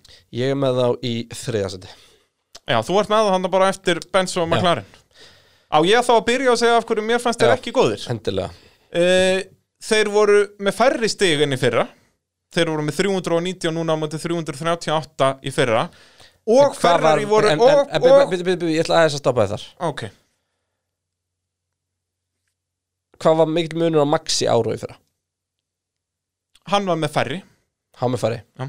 Ekki mikill samt Nei, nei, bara eila á pari 214 Já. í ára og 225 Og hann er kerður í fyrra. út og hann dett svolítið mikið út Hann datt mikið út í fyrra Þeir voru í hondudæminu Já, í fyrra reyndar. Þú veist, En það eru ég, býtu ég held við getum ekki miðað þetta við sko út af því að bara sekundbílinn í ár var bara svo umulur hjá þeim sko Jó, já, það er hlutalegin ég segi það, Albon er liðsfélagi Þeir Red hefðu Bull getað tekið inn Hulkenberg bara eða eitthvað. Já, já, sem sagt, punktanir sem ég er með þarna er að þeir voru verri enn í fyrra og aðaldæmið er að Ferrari voru ekki með þetta átt að vera bara solid þriði og fjórðasætt í öllum keppnum og samt eru þeir verri enn í fyrra þegar þeir, þú veist, þá gætu þeir best vonað annar ökum að þeir verið sjötta sætti Já. og það gerist ekki til því Honda voru faultless í ár fyrir utan hann í Östuríki bara ekkert vesen með því í fyrra þegar voru að þróa vélina og voru að taka refsingar líku við, þú veist, setni hluti ársins fór allur í vaskinn bara út af því að verðstappin rest alltaf aftastur og það var ekkert svo leiðis þessu núna, ekkert Ferrari og samt eru þeir verri enn í fyrra ég bara fatt þetta ekki Já, þetta er, þeir, þeir setur þetta upp svona þá ætlum ég alveg að að kaupa rökfæsluna sko já það ekki Jú, en ég, eins og verði segi, eins og sjötta verð að sæti, setja þau undir þriða par. sæti fyrir að vera einu liðin sem gætt skáka Mercedes já, átrætt gerðu þeir það tvisasunum það er alveg rétt Það er Silverstone og Abu Dhabi voru Já, bara og betri. þú veist, verðstafin var margóft fyrir fram Bottas Já. en Þannig að, þú ég veist- meina þeir gerðu það líka í fyrra einhvern tíman en það ekki Jú, en ég bara segi, þú veist Já, en hvers stórt stökk tók Mercedes, við erum ekki glemma því sko Já, já, en Formule 1 snýstum að taka stórstök Þú veist, Algjörlega. Ég er bara að segja, að það, að, að mínum mati voru þeir sjötta besta liðið í ár Miða við Ég setja það sem þriði og ég ætla að standa með því veist. Já, ég, Þú veist, ég ætla ekki að setja það fyrir neða Runo hvar var ég með Runo? Er ég með Fimmta. Runo? Já, við vorum báðum með það í fymta, já, ég setja það fyrir neðan Runo Ég ætla ekki að setja það fyrir neðan Runo voru aftur í bara sama sæti og í fyrra Nema voru tæknilega séð Ef að kannski aðeins reysin punktu betri. ekki skýt svona degi, þá væri þeir fyrir ofan Ásandum að Já, já Það væri En ég set Red Bull ekki fyrir neðan fjórasæti, það er bara ekki séns Þá bara er það svoleiðis, við kannski förum að slást bara á eftir Gætu gert það Gætu gert það Hérna, ef við þá að tala um Mercedes Já, við sko, við, ég, ma- við sögðum nú eitthvað um það fyrir tímabilin, þetta er allt svona mjög predictable bara, það voru ekki, ekki mikið að bombshells þar held ég sko, ma- ef, við- ef við fáum að hlusta á Og- það. Það sem ég er svo geggjað er að það eru Mercedes sem komum með þetta. Þetta Ja, das sýnir kerfið. okkur bara það, af hverju þetta lið er búið að dominita svona mikið. veistu- Þeir eru langbestir, samt eru það þeir sem eru að koma með nýjungarnar. Já. Veistu hver að var sem prófaði þetta fyrst? Hver? Tótó Hann leitt seti í herminn, hoppaði upp í hann sjálfur og kefi Því hann er vildi eitthvað bara grjóthart. vi- vita hvort, þetta væri. hversu mikið mindfuck þetta væri Það er enda grjóthært. Já, Það er grótast Við vorum bara að dásta dasinu sem var Já. náttúrulega mannstu þegar að það komst upp að nýjum prófunum. Já, að bara Það var þeir svo voru- gaman að horfa á alla liðstrun inn í skúr að Já, horfa voru á bara á- hvað hakan eru í þeir gólfinu að bara. gera? Hérna og eins og ég segi, það eru Mercedes sem kom með það Já, en þetta er náttúrulega skitið á Mercedes Þeir eru með færri stein í fyrra uh, Já, sérst þó að með, með uh, Nei, útreikningi ég er bara að djóka Já, já, Hérna, en þú veist, það er, það er alveg en, rétt en Hamilton er með hlutvarslega fleiri stein per keppni í ár um, Og sko, þetta ég- er besta tímbil Hamilton eins og ég talaði um í sögustundinni sko. Ég set hérna upp bara Þú veist, þú segir þú- Í skjálinu Ég elska kommentið til er skjælinu nummer eitt, þetta er ekki flókið Já, það er bara, sérst rank, tvípuntur Einn punktur, ekki flókið Já. Það þarf ekkert að ræða þetta Nei.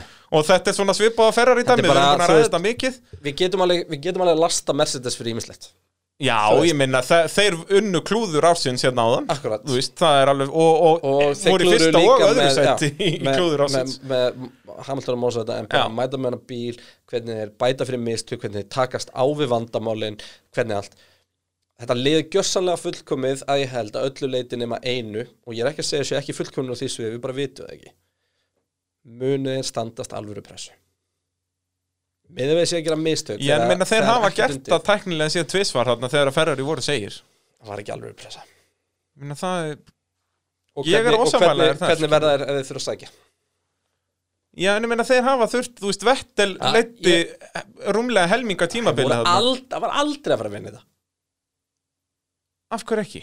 út af því að message er betri Út af þeir voru góðir að sækja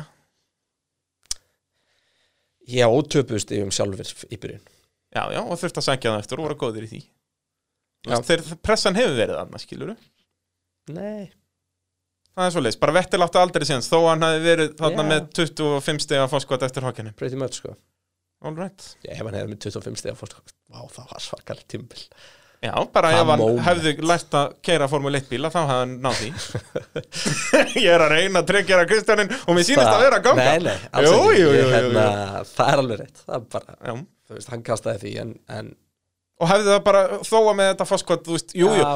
eftir á að hyggja þá bílaði Ferrari aðeins aðna setni í partinn og eitthvað En ég meina, við, ef að við höfum gert pitt þátt eftir hennan Hockenheim kappakstur og Vettel hafði ekki bombað hann veg þá myndur ekki hljóma svona, ég get lofaði því þetta var eina keppnin sem að ég listi ekki Já, Á ferlinu mínum hann ég, Það er- ég man, vorkenni þér mikið. Ég var með VPN á strönd í Pólandi bara bing að horfa á þetta þegar þetta gerist og rúnar einna lýsa Já. og hérna þannig að ég veit að það er bannar með VPN og svona ég vildi horfa á íslensku útsendinguna samt sko Já, já. og hérna það var mjög skrítið Ég- ég gleymi þessu eiginlega ekki það Nei, ég get trúið því, þetta var, var, þetta var magnað svakalegt moment sko moment. Ég man að ég er ég líka að náði hugsa ekki að með mér horfa á þetta þessa búið að keppni vera svolítið leiðilt tímbil og voru svona óspennandi keppnir þú veist, keppnar individually þótt að það var alveg spennið stíðakefni sko.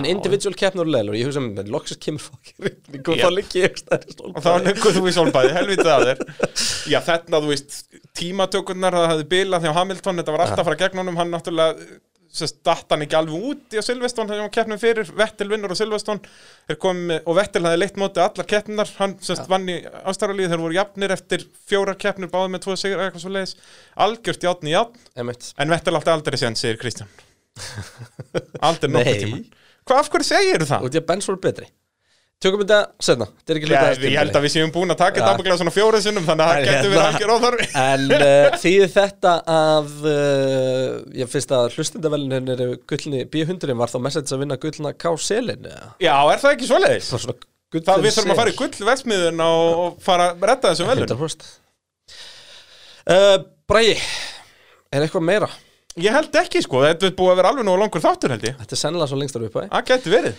um, bara elsku vinir elsku öll sömul sem er búin að fylgja okkur í gegnum þetta fyrsta tímabil pitsins því er formulega lokið hér við uh, gætum ekki bara verið þakkláttari fyrir móttökunnar og uh, bræði bara þú takk fyrir að Já, Takk sömuleiðis, þú veist, elskan mín. hvern, Hvernig líður þér samt með þetta? Þú veist, finnst þér eins og við höfum ákveðið þetta fyrir svona fimm árum?